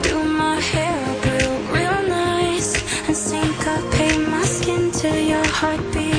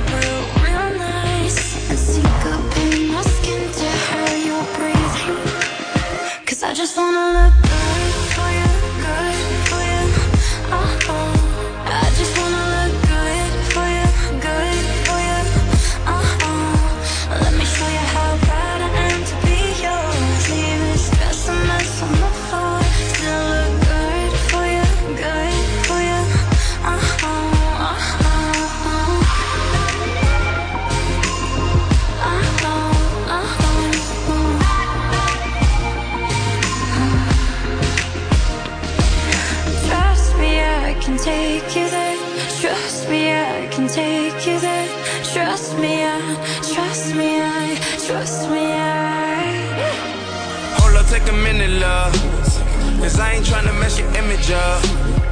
Like me mess around in triple cups. Stumble round town, pull your zipper up. Pants act like I don't care, but I ain't tryna mess your business up. And I ain't tryna get you in the stuff. But the way you touching on me in the club, rubbing on my miniatures, John Hancock, the signature. Anytime I hit it, know she finna fall through. And every time we get up, always end up on the news. Ain't worry about no press and ain't worry about the next shake. They love the way you dress and ain't got up on you. Jackpot, hit the jackpot. Just mad at bad miss without the shots. you look good, girl, you know you did good, don't you? You look good, girl, I bet it feel good, don't it?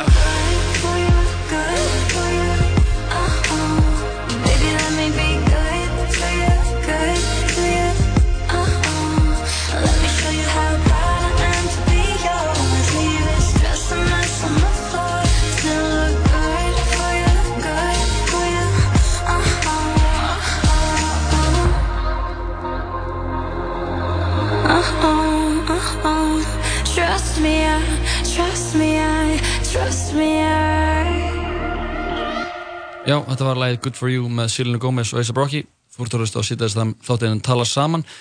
Við ætlum að negli eitt lagi viðbót árum komum í næsta lið og þetta er Travis Scott lagið heitir Antidote. Og uh, já, það er eitthvað að stríða okkur smá. Við uh, byrjum aftur. Þetta er lagið Antidote með Travis Scott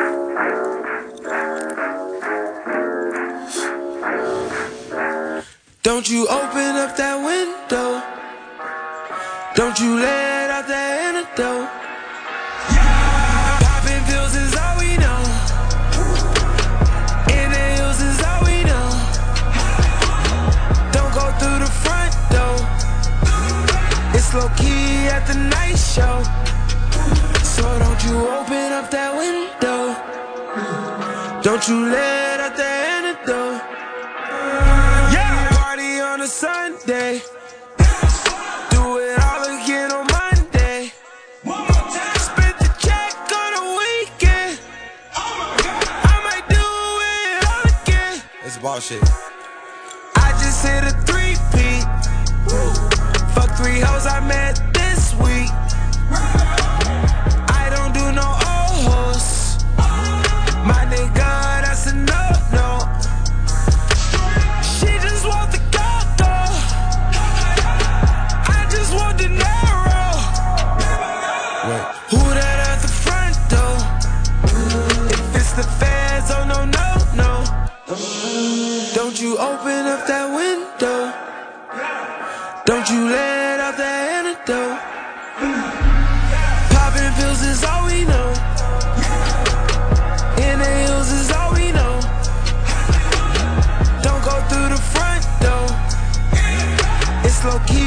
the night show.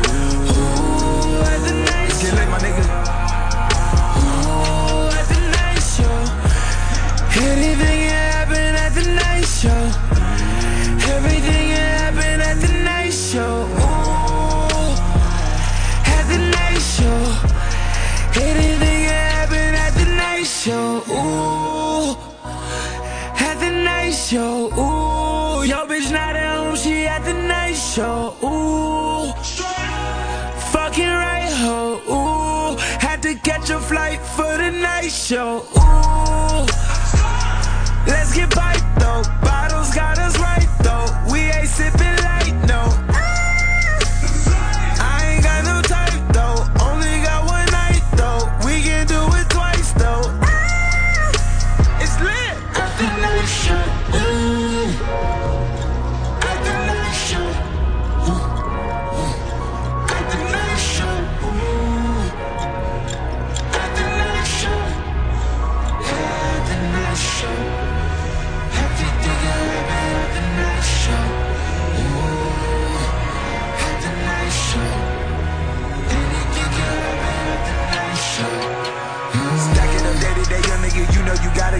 Go get it. My nigga, they hating, they stinking, they waiting. Don't be mistaken, we dying, they stand. Lord, I'm on fire, they thinking I'm saved. Calling me crazy on different occasions. Kicking the cameraman off of my stages, cause I don't like how he snapping my angles. I'm overboard and I'm over impatient. Over my niggas and these, cause my agents dealing with shit that's more complicated. Like these two bitches that might be related. H-Town, you got one. And you bun be like a number one. It's late night, got a late show. If you wanna roll, I got a place where Popping pills is all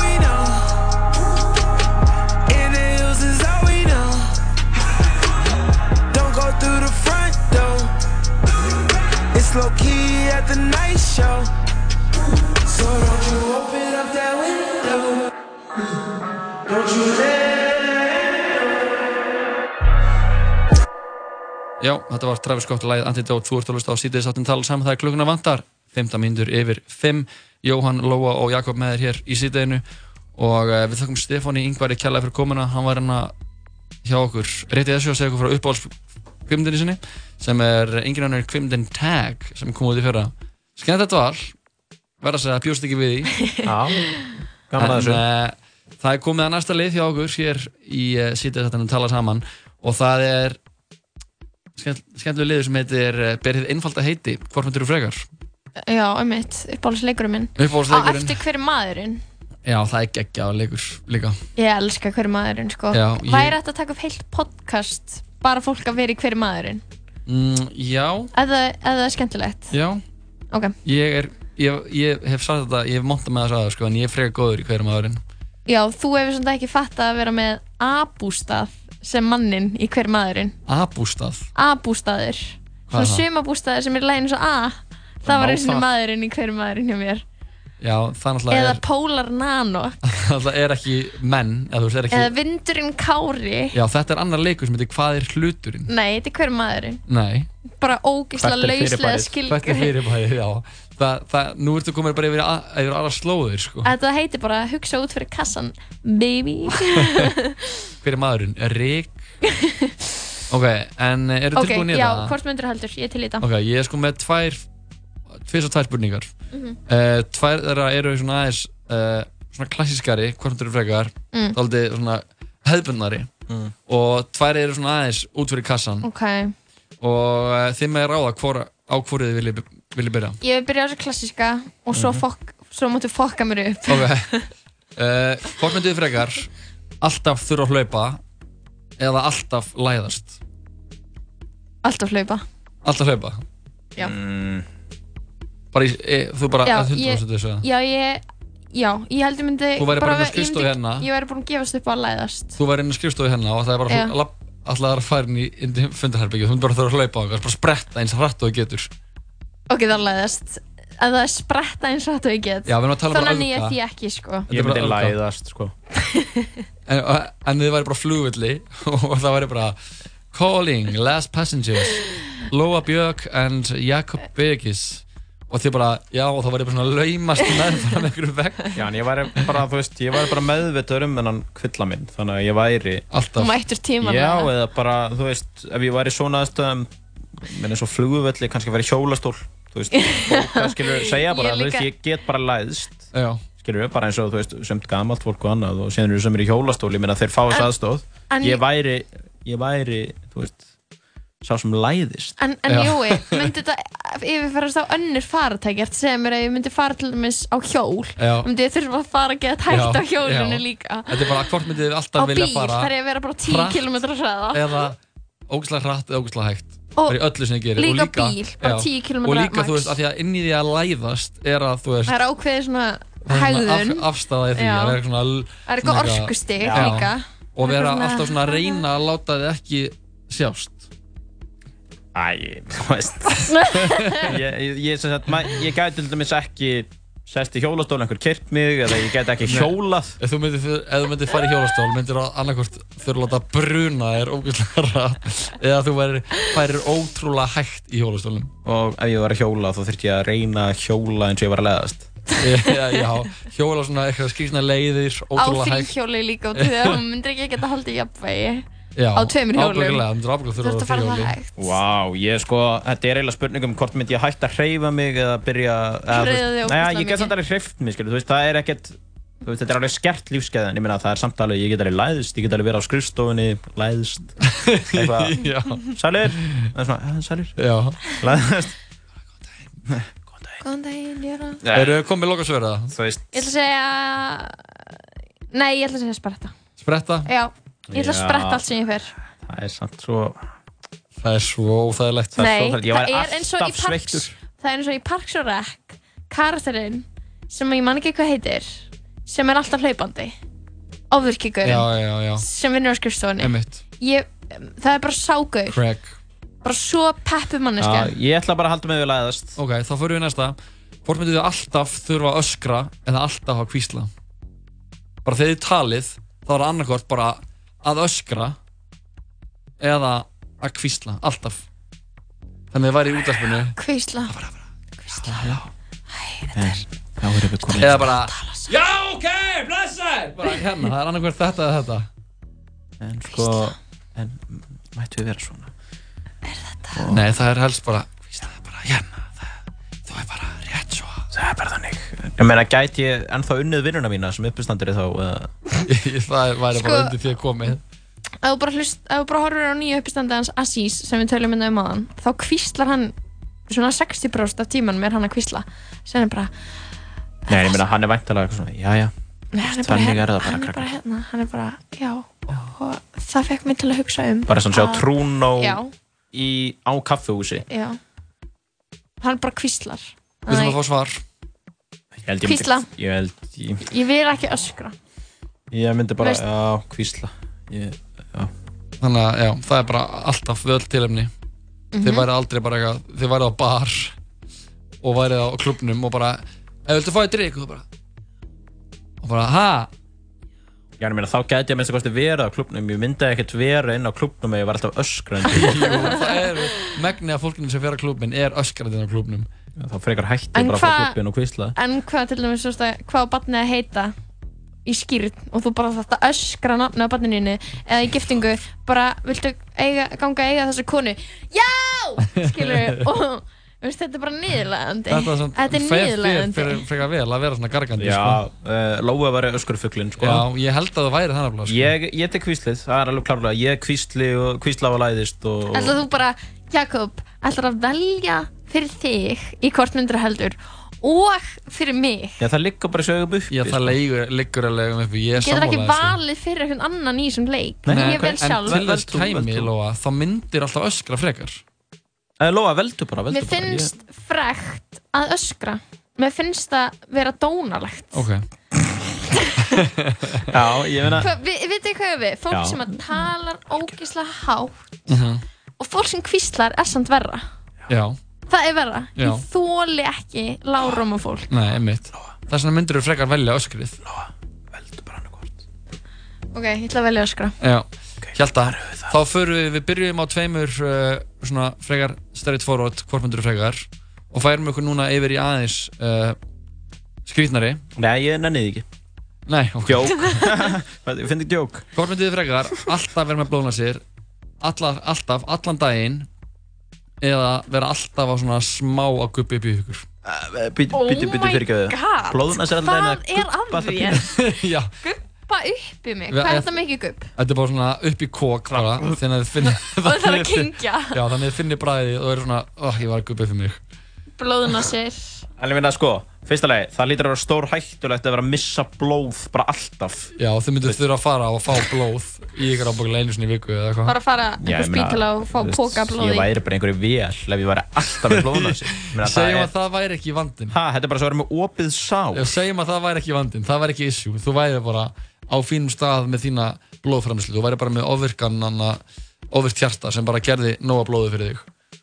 Og þú væri alltaf með fossandi blóðnæsir Ég myndi ekki vilja það, en veist, með þætti ákála þýðbúrslega Líka, þú veist, ef þú ert alltaf væri uppi, þá getur óvart bara svona, óh, ælt. Já, já. Þú færði eitthvað getur æli og þú bara eitthvað, ert að borða eða eitthvað, ert að gera eitthvað og bara, það er kannski vond lykt inni þar sem þú ert og svona æli pínu uppi þig og þá bara ælir þú Þá væri ég stundum eitthvað bara í bíó eða eitthvað og bara æla í poppa Hvort er ógíslega að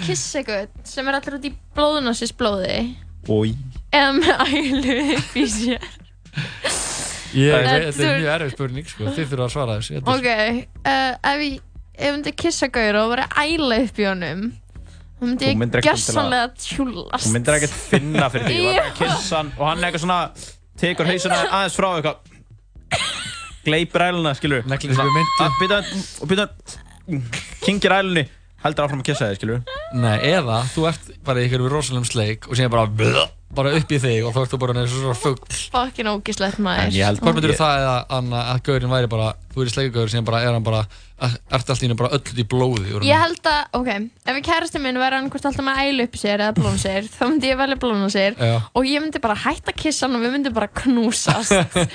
Ég ég myndi bara, að segja það, sko, ég veit ekki hvort bara það sé bara ég en, knúsið. en ef ég væri alltaf að að æla upp í mig og, og væri með þetta um það, það væri vandamann, það væri ég nokkert mikið að kissa fólk að sko. en ef þú er eitthvað að knúsast og svona, þú svona klappar hún á baki og hann svona Já, ég myndi velja blóna sér velja kissa eitthvað með blóna sér, sko. Já. Ah, enga veginn, sko. En, en, en sko, ef þú væri alltaf með blóðuna sér, þú getur örgulega útbúið eitthvað svona að Tappa í nefið. Já, eitthvað samt svona að ég veit ekki svona- En ég það hlýtur einhver í heiminum að vera með ég meina einhver með mikið bakflæði Já, eitthvað, þá er það kannski ægilega mikið upp sig. kom náttúrulega í fyrra en hitti fyrra stelpan sem var einhver stóra eigurstöðum sem uh, blætti úr augum og mjög og nefi og munni Sjaldgæfur sjúkdómur. Já. En ég meina, það var vist líka bara, ég er, er það ekki ennþá? menn vildi meina að það hefði verið munk á sér sko ég heyrði það Nei, en ég meina, það hlýtar að vera hrikalega erfitt, til dæmis, eins og þar, skilur Já. Ég, ég held að það sé hérna, hrjáurinn er hrikalega mikið, sko. Já, en- Ég veit ekki alveg illa, ég myndi frekar æla bara svolítið upp um mig. Mhm, ok. Ég vel blóðuna sérinn. Þú eru blóðan sér, ok, eru þið til í síðasta eða? Já. Eh, Hvort myndið þið frekar vilja vera alltaf bara allan sólurhingin allan, allan dagavikunar allan ásins ring í sko gegn votum pissubuxum Ég vissi að var að vera að segja Eða?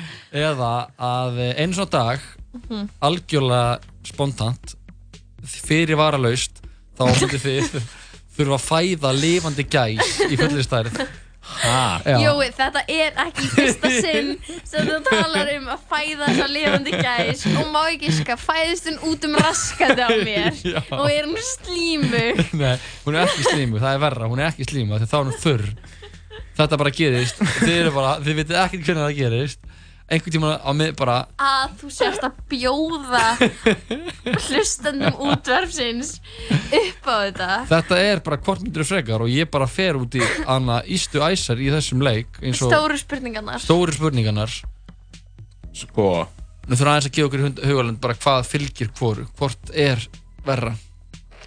Sko, náttúrulega verið í gegn votum pissu buksum Jói, þessi leikur virkar þannig að í hvorum valmöðuleikanum fyrir sig Já. á að vera eitthvað sem gerir það smá appealing Er það á það? að vera eitthvað svona ok, ég meina það er allavega kosturinn þannig að ég ger það fremur held fremur ert heldur en alltaf hitt, pissubuxum. Þú ert alltaf að hugsa, þú ert að vega ve, þú veist, bera saman kost og ókosti, skilur kannski fyrir kostur með að fæða gæs. Þú ert kannski, þú ert alltaf í raskatinu. Þú ert alltaf í gegn votum pissubuxum En þú ert besti söngvar í heimi.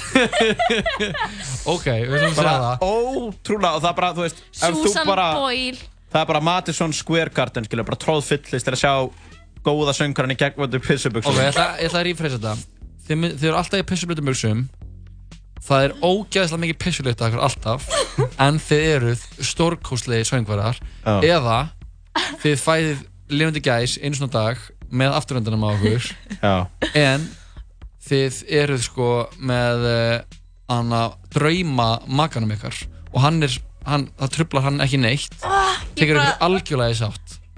Ég Eh, styrlast, Jói Ma, get ekki- maður er svolítið bara að velja þessi lífstíl sko. vill maður bara eiga góða maka og vera góður í því eða bara Frægur. vera bara fuck it ég ætla bara að lifa sem bestu söngur í heimi og bara gera hvað sem er Já, það er ógeðslega lykt að ykkur Ógeðslega pissulykt að ykkur allan daginn Og bara þegar þið lappið inn í herbygg Þið lappið, inn í- þið lappið bara inn í kringluna Þá snýr fólk sér við sem er bara hinum endanum Bara hvaða lykt er þetta Bara þeir eru bara Það er samt svo, þú veist. Ammoniak skrimsli bara. Það sem er svo geggja við það er að þú ert besti söngur í heimi þannig að fullt af fólki væri kringu þig þrátt fyrir lyktum Já, en það myndi ábyggla líka fæla einhverja frá. Bara ef að bóka hann Jakob til að koma að syngja hana Í á jólabó, bara nei Það er alltaf ógeðslega mikið pissulykt af hannum Herri, ég veit bara for a fact að það eru tónlistamannan úti sem að lykta fucking illa Já. en eru samt að fá gig. Já. Þú veist, ef Kanye West skil- skilur við Hvað sagði þau? Kanye West Ég segi Kanye West okay.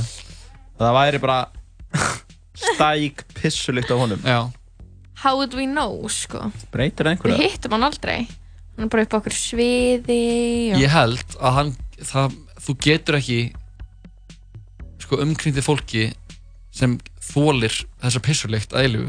Svona vond pissulykt er það versta sem er til í heiminum. Já, svona gömul stæk Já, það er bara svona sko. vond, bara, þú veist, ha- ef þið er kött og hann er pissa inn í okkur þið bara finnið bara, já, í, það er bara svona pissulykt hinn inni. Og líka, þú veist Og það væri bara, við erum að tala um að buksinu eitthvað væri alltaf bara blöytar. Já. Þið væri bara alltaf bara í kringum En maður bara, fengi líklega svona sára á Já, fætur og þið fenguð feitt svona, svona þú, að þú liggur í pissu bæði bara allan daginn þá Já. færðu einhver útbrot og eitthvað þið myndu alveg bara þurfa að vera bara kremuð alveg bara með svona penatenn krem allan daginn af því að þið eru alltaf bara Myndi maður ekki bara velja hitt og, Ég og vil maður að myndi fæða bara, undina sko og vera maður með hefði bara einhverja ráðstafanir með það og þetta væri, þetta væri fyrir auðvöld fæðing það ekki? Maður er bara með lítinn Nei, þetta dýragarð. væri alltaf klárlega ekki Já, en ég meina einu sem dag fyrir var að laust. Já Væri það bara að rassinn býða bara. eftir að fæða þessa gæs? Það gerist kannski bara þú ert svoandi Og það tekur þetta alveg þ- þrjá tíma Þetta eða? tekur alveg tíma menn Hún þarf að, hana- hún er að bara Jói, brjótast um. þú gerði báða valkostina bara Já, ég en myndi það er velja sem- pissið sko. Ég væri til í að vera líka, Þið eigið makan sem bara er til sem sættist, á við, sættist við þetta. Ég myndi velja í- í- hérna, pissið og bara vinna með það Vera bara the P-man á netinu og eitthvað. The pissing og vera seaman. bara alltaf að posta myndum að vera búin að pissi skóna mína bara piss, piss, piss. Og! Þið er bara hérna piss, piss, piss, another concert tonight. Þannig að þú myndir velja pissið lóa og þú myndir velja gæsina? Jöp, Herru, krakkar, þetta var uh, hvort myndir þú frekar. já Ég minnst bara að glæsa þetta að þið voruð eiginlega alltaf á að sikkur megin við Við vorum ekki saman Ég ætla, hlustum á eitt lag og ég ætla að bomba einu hvort myndur heldur á ykkur eftir lagið. Er það? Já. Það líst mér vel á. Tjekkum á þessu, þetta er lagið tjökk þetta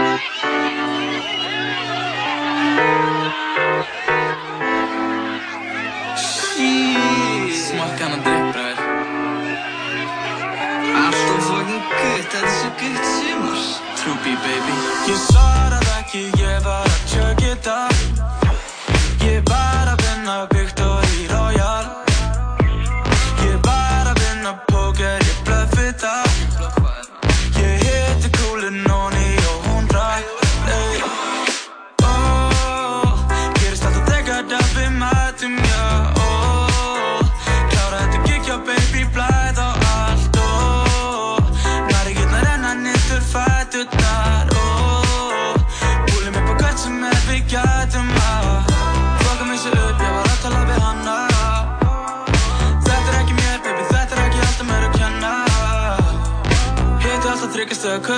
hverju stóra tölu til að spenda Ég nenni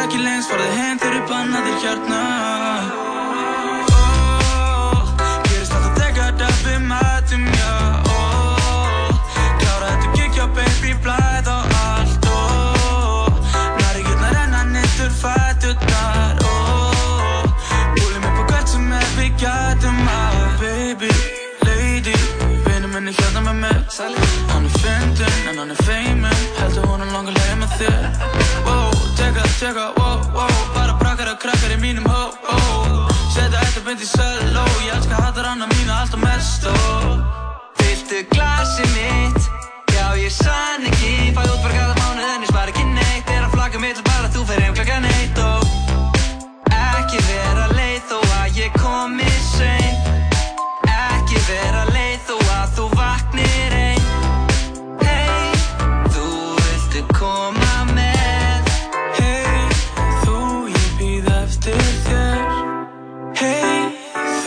viltu koma með Hey, þú Býðum eftir þér Gerist alltaf þegar það við mætum, já ó.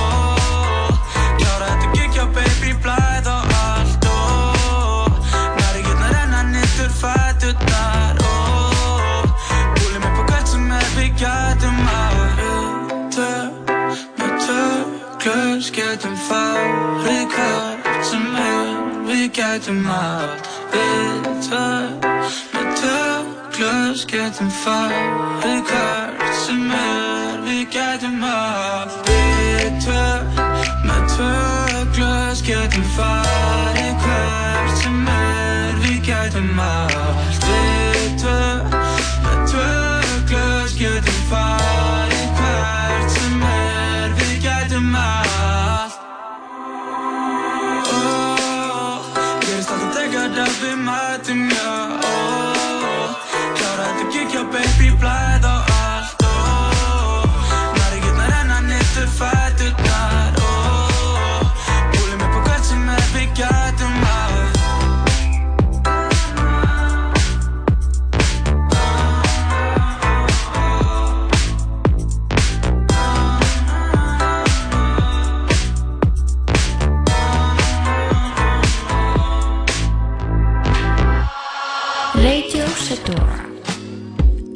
Öll 15. kvöld frá 8 til 10 á útarpundur og 1 í bóði Sæta Svindlis. Gommugláp og bland í boka í kvöld. Stöðtvö marathón er stútfullt af frábærum þáttaröðum sem þú getur hort á hvar og hvenar sem er. Þér áskrift fyrir aðeins 2490 krónur á mánuði á stöð2.is. Hamburgerabúla Tómasar, vatnið er eitt besti drikkurinn.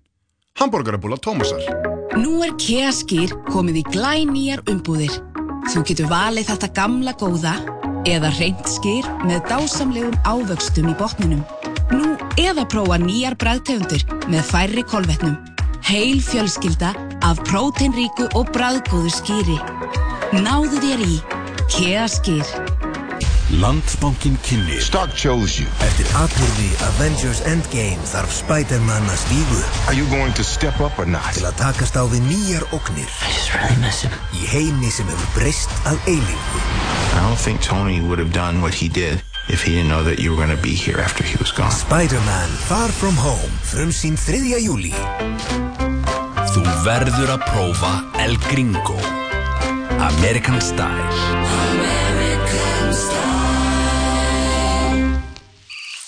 Hlustaðu á okkur á netinu á 101.life Já, kærlundi, þetta var, uh, þetta var, þetta voru auðlýsingar. Þá er þetta fengið að heyra Chuck þetta með Aroni Kahn og Bergi Leo.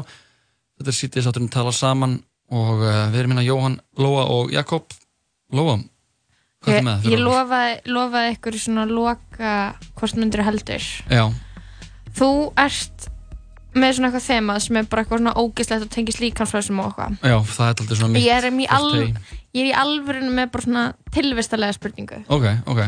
Ok, einn möguleikin er Mm hvort myndir heldur -hmm. vera svona lítill eins og þumalína í ævintýrinu. Já, Svona lítill þannig að þú þarft ekki hús, þú getur bara búið inn í kuðungi. já, Pingur lítill. já. Það er bara lífið þitt, skilur, og þú fær svona og byrja að tala með svona Aha, Að þú er getur það? alveg, alveg haldið vinnuninni og þú veist, Mhm. áttalega en þá vinnu og eitthvað, en þú ert bara pingur lítill. Hvernig áttu ekki þetta ítt á og... Hann er bara, þú réttir bara að jóa mækin, eða Jakobi mækin, skilur og svo er bara, þú veist, logi á tökkunum og þú ert bara, já, Já. þú veist, það er bara það- hérna, skilur ok. eða hitt er að, þú veist, þeir eru bara venjulegir allt í lífinu ykkur er venjulegt það er bara ekki sem breytist Aha. nema að Jón Baldin Hannibalsson er alltaf í 100 metrar radíus við ykkur að elda ykkur svona mjög hægt Já, svona Eins og follows. pre- Premissan. Eins og- premissan. Í eitt follows. Þannig að hann er bara þannig skilur Þið sjáu hann alltaf. Hann kemur aldrei eitthvað voðalega ef En hann er hérna að þá- elta Ef þig ég væri hérna Hann inni myndi að standa þenni í dýragættinni Já, og hvað gerist þegar Hann? Er bara að horfa. Já, en þegar hann kemur alveg upp Og þú þarft helst að vera alltaf svona á hreyfingu út af því að þú stoppar alveg að það næra þér. Og þá gerir hann hvað? I don't know. Það er bara- Ímaður, hvað? Er ekki lægi? Þú veit að segja að ég sé freak fyrir að velja mína en að ég er nú bara með eitthvað að- að fæða önd og vera í Ég er bara að segja, þetta er bara tilvistalega spurning skilur er Hvorum Jú. spurning Þetta er bara Jú, þetta- hvorum Já, raunveruleikanum myndur þú frekar vilja já, búa þeir í voru nokkuð mikla pælingar Hvorum raunveruleikanum, skilur við Hvorum aðstæðanum myndur þú frekar vilja vera í Ég myndi vilja vera litli. hérna En ég, spyr, með litla Já. Á, á maður sínar litlu útgáfur af hlutunum sínum? Nei. Það er bara ekkert. Það Ef þú veist, Jú, ef þú smíðar það, skilur við Þú getur alveg smíðað eitthvað drast, Ég þú get getur ekkert sofið smíðað. basically á strái. Já, ég get ekkert smíðað bara þannig að sjónvar Ok, nei, þú horfir bara á stórt sjónvarp, það er bara svona eins og bíóskjár fyrir þér. Já, ég get, Þú bara- ég get ekki átt Þú lítinn bara iPhone. býðir einhvern veginn að koma með stóran iPhone og það er bara s- flat screen Já, fyrir þér, skilur En ég meina, mér, mér, já Þú getur verið að nota svona iPod mini eða Já, ég myndi bara velja þannig kost Ég væri bara litlu grunn Mér þætti þess sko skýtt að það væri ekkert sem væri Og í minni kærastæðin stærð væri risastór. Já, hvernig ætti það að ganga? Ef ég er jafn lítill að þu, ef það ég er bara eins og lítill þumallputi Ég er bara Þú svona ert stór bara jafn stór og er er bara nöglin á svona- þumal. En ég ég myndi ekkert vilja 2,5 cm eða eitthvað Ég myndi ekkert Já. vilja hafa neitt alltaf í 100 meter radíus við mig sko, sama hvort það sé bara Jón Baldur Hannibalsson eða bara Lóa Björk, Lóa Björk sko. En maður verður svona lítill Mm. þá getur maður samt fengið fólk til að smíða fyrir sig Já, þú myndir bara beðja, skilur, þú myndir bara segja Hei Gaur, getur þú smíða fyrir mig? Ef ég væri bara, ég myndi bara hafa sambandi við Apple og segja bara hei, ég er tveir og hálfur sentimetra stærð. Bara, get ég, get ég fengið síma með öllum græjum inn í? Nei, þú gæti náttúrulega ekki fengið síman Þú gæti náttúrulega fengið lítil húsgögn Bara svona eins og er í dúkkuhúsi, skilur við Gæti verið með þannig. Já, en ef þeir myndi bara segja, herri, já, við erum tilbúin Já, bara eins þá og- náttúrulega bara færðu það, skilur við En málið með þetta er að þú veist Þú ert svo eini sem er lítill Ekkert annað breytist En svo kærastæðin, þú þurftir að kissa hana Og það verður svona eins og ef að, þú veist, flug að vera að lenda á henni Skilur, það verður svo tilfinning. Og ef hún myndi kissa þig, þú veist, þá myndi hún drepa þig. Þú veist, þetta væri bara Já, Þetta bara verður litli. sko. Þannig, já, einmitt, ég væri pingu lítill og gæti náttúrulega þá ekki anna, átt í anna holdlu sambandi við neinn. Nei. Og uh, en ég þyrfti mjög lítið af mat. Bara ein paprika myndi duga mig bara þar til í deg Eiginlega, sko. Já, Það ég held að ég myndi ábygglega velja það líka. Ég held að litli? væri bara, já, ég er því svona viral sensation. Ég myndi gera, láta gera vídeo um þetta og það myndi, það myndi allir dyrka þetta og ég myndi gera GoFundMe og ég myndi verða bara ótrúlega ríkur. Láta smíða Mm. fyrir mig allt sem ég þyrfti. Myndi bara eiga lítið geðveikt pimpin hús að það var svo ótrúlega ótrúlega Sem ótrúlega að gera enginn geti komið inn í. Nei, ég væri bara inn í húsi inn í, í íbúð Þú hjá getur einhverjum vinum basically mínum. búið á svona einni svona flís Svona eins og baðherbyggis flís Það getur verið bara allt gólfið þitt, skilur Já, og ég myndi bara láta smíða fyrir mig litla annað þóttu sem ég myndi að ferðast um á. Eða, eða svona lítið eitthvað, eitthvað sviftir eitthvað og vera með lift ég held að ég myndi ég, Þú ert getur- Þetta er bara fáránlegt sko, ég er bara Þú veist. Ertu reyðar yfir þessu Hvort myndir heldur Heldur en að að hvæða Kúka gæs Eða hvæða gæs Eða Já, þú veist, hvað var hitt? En þá er ég samt bara hvað ég. Ég meina, Pissublitur. pingu lítill Það er ekkert ég. Ég get alveg verið ég en alltaf í pissublutum buksum þetta er svona En Jakob, ef þú værir pingu lítill Alltaf í pissu alltaf, nei, ef þurftir alltaf að guppa eða risa ristór svona að 20 metrar á hæð og alltaf í pissublötu buksum og geða mikið pissulitaðir. Og Ok, þetta ótrúlega góður að syngja. Ég myndi, ég myndi velja það Það getur maður líka bara að leiki sér Ég meina, lappa niður laugavegin Ég sér leikið sér. 20 metrar hár að lappa þú getur bara að lappa þú getur bara að lappa yfir, yfir Ég væri líka alltaf Jakob, nakin samt. Jakob, ef þú væri 20 metrar hæð þá væri skotin bandrækja hér myndi bara sendinga þóttu og skjóta Já, þig, en sko. það er líka bara fínt, bara þeir myndi bara kalla inn greiða ég var ekki eitthvað lítill, myndi líka bara, þurfti svo lítið, þurfti bara, bam, bara íta an saman venjulegum fingrum. eitthvað nerrar og Jakob bara neglist bara Já, já. Herru, er nóg um þessari vittlisu þannig að við komum inn aftur eftir smá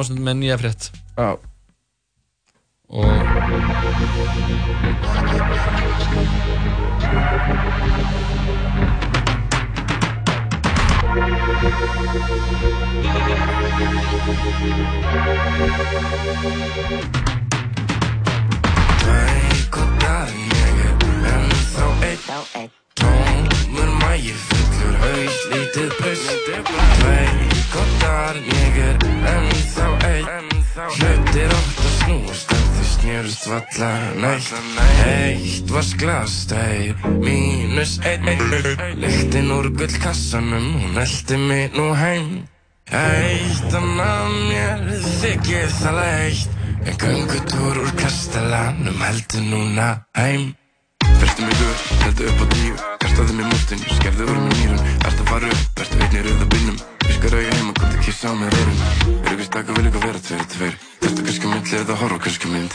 Veit að væri byrjingur og veit skinn Hattar sjálf mig, alltaf eftir klukka fimm. En svo korpur í kringu þig, gerði allt fyrir því Nýnir í gæltar, reyna lengur kjöpt að því Orðum er sterkari, allt fyrir alltaf mjög hættur Og hugsa um þig Fyrir mín komið bók, smellir sem fyrir svefnin Hljósið um hana og sleftir ekki. Söng eftir nóg, hvað voru minnstu blekking? Síðan ég nóg, sprenging. Fyrir mín komið bók, smellir sem fyrir svefnin Hljósið um hana og sleftir ekki. Söng eftir nóg, hvað voru minnstu blekking? Síðan ég nóg, sprenging. Tveir kottar, ég er ennþá einn Mægi fullur haus, lítið breyst Tveir kottar, ég er ennþá einn. Hlutir átt að snúast en þau snjörust valla var skast, tveir mínus eitt Liftin er gull kassanum Veltu mér og heim Eitt annað mér þykir það leið. Í göngutúr úr kastalanum Veltu núna heim Ok Miljón Enginn af þeim virðist verum þig. Aðeins færi góðar hugsanir Hver ein og einasta virðist vera beint til þín. Kottað tepla ég skal kenna þér mannganginn. Nei ég meina viltu halda vina sambandi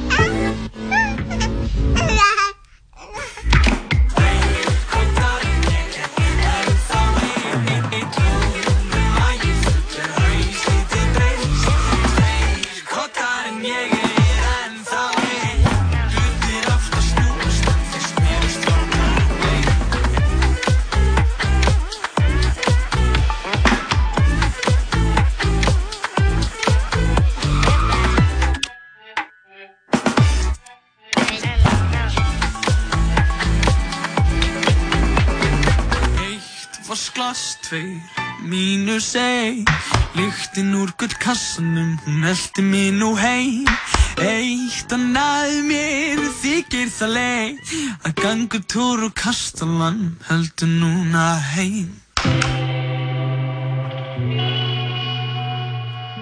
Jú, glænýtt lag frá þeim eh, vinunum Jópi og Króla. Kom á Spotify í dag og vídeoði kom út fyrir einhverju viku síðan og ég verð að segja að það var það vídeo, það var algjörlega eitthvað fyrir mig sko. komið svo þrjum ár heiðskýri. Já, það var furðulegt, þetta er furðulegt vídeo. Freaky deaky. Já, og það er gaman þegar fólk er tilbúið að vera smá freaky deaky. Eins og meðstöðar minn, Jakob Birgisson einn mest freaky gaur sem ég þekki. Og ég fíla það. Þú ert að öllum talin vera mikið freak, hefði ekki Jakob? Ég held ekki sko. Ég hef ekki upplifað þannig en, en, Þannig, en ég get alveg lifað með því Við, þeir, við, Hérna- já, ok Hópur fjárfesta á samt Ok. tveimur fyrirverandi stjórnendu VAU-er vinna að því í samflótu við Írskan fjárfestingasjóð sem tengist lággjaldar flugfélaginu Ryanair Já. að stopna nýtt íslenskt flugfélag Sem heitir- Vinnu heiti nýja félagsins er 2FAB Air en 2FAB AB WAB er skamstunum fyrir We Are Back. Oh. Oh my god. og sko, ég nefn ekki alveg að fara út í eitthvað hvernig þetta á að vera þetta verðist vera volið mikið lánum sem koma einhver, einhverjum með einhver fjöðin í þetta og þetta er einhverjir fyrirrætti framkvæmda einhver lið sem var að vinna á VAUR og einhverjir aðrir sem voru að stopna þetta. Þau- sko, ég nefn ekki alveg að pæla í því. Nei. Eh, þú veist, þetta uh, flugfélaga sem hvort það verða veruleikað ekki þá verður við samt að pæla í þessu nafni. We are back. We Are, are Back, Air Óþólandi nafn á einhver að tengja við þetta þú veist? Já, þetta var náttúrulega Það er bara, að við fórum bara- á hausinn En But við- we are back. Já, Já, en ég meina, þú veist, engu. en hvað með bara einhvern svona random gauðir sem býr í London og allar til Íslands og sér We Are Back Air, er það ekki frekar skrítið? Jú, Jú. Uh, uh, það er ömulegt nafn á flugfélagi Back from where, skilur Nei, þetta er, þetta er smá svona flugvélum fór og hún kom tilbaka. Nei, mér finnst það ekki skapa þá þau hurun ekkert heims Ég hugsaði það eins No, We are back Já, Bara, en þú veist Af hverju, af hverju, skilur við Mér finnst þetta hljóma meira svona eins og, ef- eins og ef Leeds United kemist aftur í efstu deild Já. þá væri, þá verið framleitar einhverja svona treyjur með eitthvað svona We Are Back eða einhverju treplar og allir stuðningsmennir væri Já, skilur já, já, jú. Þú veist, þetta er svona, veitir hvað ég meina? Mm. já, þetta er alveg Þetta er afstæðið það heimskulegt. Þetta er En heimskulegt. Skúli, hann kemur ekkert nála Nei, þessu. hann er ekki hluta af We Are Back er En hann hefur vildi stopna það. nýtt. Já, hann hafði eitthvað nefnt það, ég svo sem Við veit ekki veitum ná fyrir víst að hann er ekki inn í þessu. Á, Hann segir bara. Hann er bara, ég er ekki hluta af þessu. Hann segir bara, ég vil ekki með þetta hafa. Það Segir það kannski? Mm, Nei, ég, ég veit nú ekki alveg hvað hann segir en segist bara ekki vera hluta af þessu. Mér finnst þetta þetta ótrúlega hallarislegt Ég meina We það hlýtur að vera erfitt að fá lán hjá fyrirtækjum eða bönkum eitthvað erðu. Við erum starfað flugfélag, það heitir We Are Back. Og þegar við, fó- heiti þá þegar við fórum á hausinn Já. en þarna getið þið fjárfest ógslag mikið, mikið pinningum það er stúpid sko Já, ég er pínu gaman að þessu. Já, en, þurfum við ekki lágkallar flugfélag Er það ekki eitthvað sem Maður þarf það Sko, við eru að fara- flugfélag til. Já, við þurfum bara að hætta að fara til útlanda Þú getur bara flóið með EasyJet eða eitthvað. Já, þau fljúa hérna alveg bara alla Já. Já, ég meina ég er bara að skoða flug núna til Edinborgar, EasyJet Hvað, og líka þetta norræna, hvað heitir það? Norwegian eða eitthvað. Nei, það er annað. Nei, veist, æ, ég er- skiptir ekki máli. ég er ekki En að það er segja- nóga lágjaldaflugfélagum í heiminum sko sem að þú veist, vitið hvernig lágjaldaflugfélag operata, skilur við vitið hvað er inn í þessum díl sem þú varst að fá af fluginu? Hvað? það er bara úst, ógæðislega óheilbreðar vinnuðastöður fyrir starfsfólki sem vinnur fyrir flugfélagið Er það? já, geðveitt láglaun geðveitt lélegi vinnutímar úst, glatað Já, ég Svo einhvern veist, veginn ekki og að svo sjá er með bara það sko ég, umurleg sæti líka Svo þetta er bara Já, en sér náttúrulega oft inn í þessu og Æ, þú þarf að borga eitthvað meira fyrir töskur og annað en- Já, það kostar allt Mhm. auka. En ég meina, Kostar sko, auka. þú veist, ég skil, ég skil alveg umræðanum að þurfum einhverja samkjöpin hérna en ég meina, þú veist, við erum samt 340.000 er grundvöldu fyrir því að reyka tvö flug þú veist, ég bara velti því fyrir mér, sko. Spyr sig, sko. Ég er ekki, er ekki markaðsfræðingur en mér finnst samt svona hérna minna, þú veist ég hugsa ekki, ég þarf lággjaldaflugfélag vegna þess að það er fullt af sem fljúga margar hérna leiðir út úr landinu, sko. Já, annað en Æsland er, það er ekki eins og við neyðumst til að versla við þá, sko. Nei, ég mitt. en uh, ekki það, ég meina ef We Are Back er stopnað, þá minn ég alveg skoða að fljúa með þeim og, og... ég vil að prumpuljóði, sko.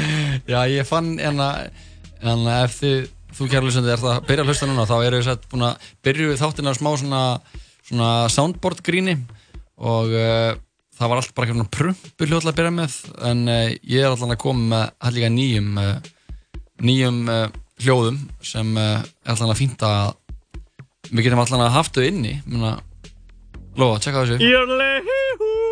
Þetta er algjörlega eitthvað fyrir, Þetta er eitthvað fyrir okkur sko. Mari, náði ég að gera þetta alveg eins, eða? Já, mena, jóðul er náttúrulega er alveg viðkjönd Mér fannst prumpuð fyndast, sko, eða skemmtilegast. Já. Þetta Ég til náttúrulega ekki endilega að vera fyndið, þetta á líka að vera bara Já, þar hefur það. Já. Eitthvað svona. Eitthvað. Já, þannig hittir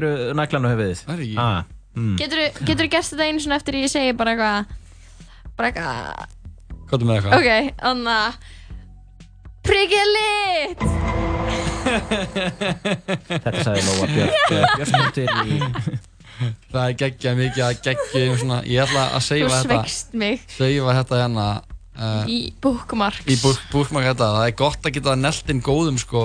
Þetta er líka svona troll annað soundboard Ég segi fáum Sigmund Davíð í viðtalinga Já. og neglum prumpuljóðinu inn og airhorn bara eftir hverja einasta. Nú býtu, hvað var þetta? Nennar að leika Sigmund Davíð. Ég get það ekki. Jú, þú getur það. Ég bara kann ekki að leika Simmendaðið Þú kannt að víst Þú varst að byrja varst að því. byrja að því. Þetta var mjög ólíkt honum. Nei, þetta var þetta var alveg Ég veit það ekki, ég kann það ekki Það er það sem við þurfum að gera. Sem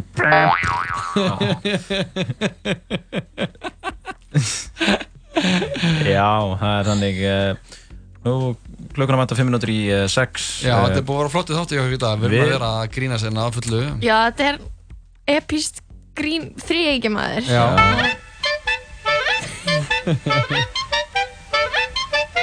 Já. Við uh, farðum uh, þér kærlustandi frettir Við fórum við mýtu dagsins uh, Já, Stefán Ingvar uppistandri og uh, hérna hvað- uppistandi hans Asís og uppistandi hans Stefáns verður á morgunni á Hard Rock. Já, við Ekki? fórum í, uh, jú, það er á morgun á, Hard Rock við miðar á tix.is ef fólki voru áhuga á því. Síðan fórum við í kvartmyndur frekar við fórum í kveikmyndina, Stefán Ingvar sagði okkur frá kveikmyndinni Tag mm, já, já. og uh, já, við gerðum bara ímislegt ég held að það sé óhætt að segja það sko við spilum mikið svona grín hljóðum og uh, Ég hló mjög mikið sko já, þú hljóst, hljóst en sko, hljó, allt þú fyrir að hlæða þá færir þau svona frá mæknum Nei, ég, Er það ekki bara samt, svona fínt að virkilega ómikið að mækina eitthvað? ég er reyna 50-50 hlæja í mækin og hlæja ekki í mækin sko Já, já, já Ég er náttúrulega get Og ég, þegar ég hugsa út í það sko, allt útarsefni sem ég neyti þá ég er aldrei neitt að hlæja sko. Er það ekki? Nei, ekki. Nei, kannski heldur ekki ég, ég hún illa var ekkert mikið að hlæja í hana. Hún er bara Ekkert og eitthvað þrýr voru bara- skotnir til bana. Fjöldamorðin í mið-austurlöndum. Já, sem ekki bara eitthvað Herru, við þið, ég var nú til að uh, gera svona í ljósa sögunar en bætinn prumpuljóðum Já, það væri bara Þannig að Maki 11. Hamakati. september 2001 Hófst Já. Minn góður, Já, sko. þetta var kannski ekki við Já, þetta maður skoða. Þetta maður skoða, en við þökkum fyrir okkur í dag. Við verðum að sjálfsögja aftur hérna á sama tíma á morgun. Og uh, já, þáttina má, þáttina má finna á uh, Spotify. Spotify og uh, á uh, Apple Podcasts. Mm. Yes. Og kíkja á 101.live Já, fyrir ferskar greinar og, og fyndin take Og Yes. klippurnar okkar. Klippurnar okkar En við endum með daginu góðu klassíku af blöðunni Section 80 með uh, Kendrick Lamar Þakka fyrir okkur, þetta er lagið ADHD Uh-uh, fuck that. Eight doobies to the face, fuck that. Twelve bottles in the case, nigga, fuck that. Two pills and a halfway, nigga, fuck that. Got a high tolerance when your age don't exist. Man, I swear my nigga tripping off that shit again. Pick 'em up, then I set 'em in cold water. Then I order someone to bring 'em Vicodin. Hope they take the pain away feel today. You know when you're part of Section 8 and you feel like no one can't relate. Cause you are, you are a loner, loner. Marijuana and office make you stronger, stronger. I'm in the house party, tripping of my generation. Sipping cough syrup like it's water. Never no pancakes in the kitchen, man. Not one of our lives is caught up in the daily superstition that the world is about the end. Gives a fuck, we never do listen unless it comes with an 808. A melody and some house. PlayStation and some drink. Technology bought my soul. Looking around and probably relatives relevant for a rebel stream. Yep, the president is black. She black. Purple label on her back. But that dab is like blue. She take it straight to the head. Then she look at me. She got ADHD. Hey, doobies to the face. Fuck that. Twelve bottles in the case, nigga. Fuck that. Two pills and a halfway, nigga. Fuck that. Got a high tolerance when your age don't exist. Like whoa, whoa, whoa,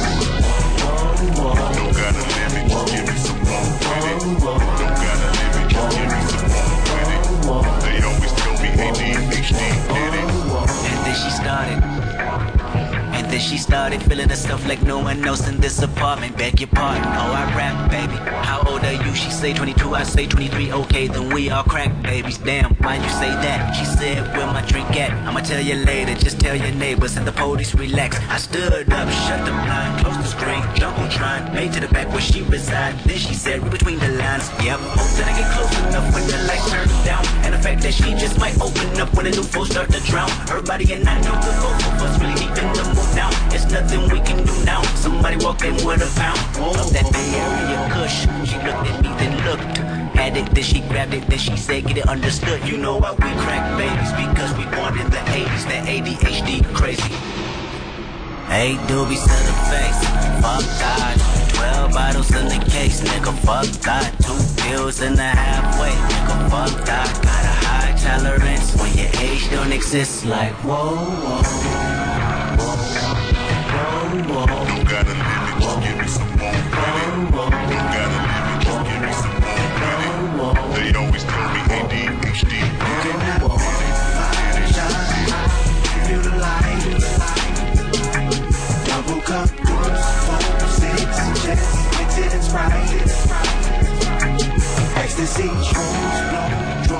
Hoes, whatever you like. You can have all my give you the light.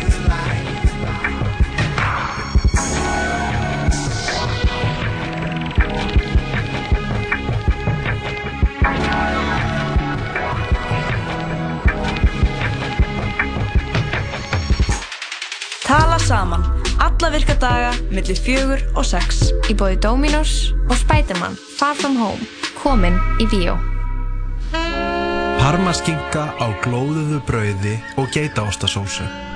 La Primavera í Marshallhúsinu. Útsalan er hafinn í Galeri 17 í Smáralind og Kringlunni. 30-40% afsláttur af fínustu flíkum bæjarins. Galeri 17, Smáralind og Kringlunni. Lýstu yfir sjálfstæði með 200 gramma Heavy Special. American Style. 14 stöðuvar og 7 sundlöðar á aðeins 6.840 krónur á mánuði.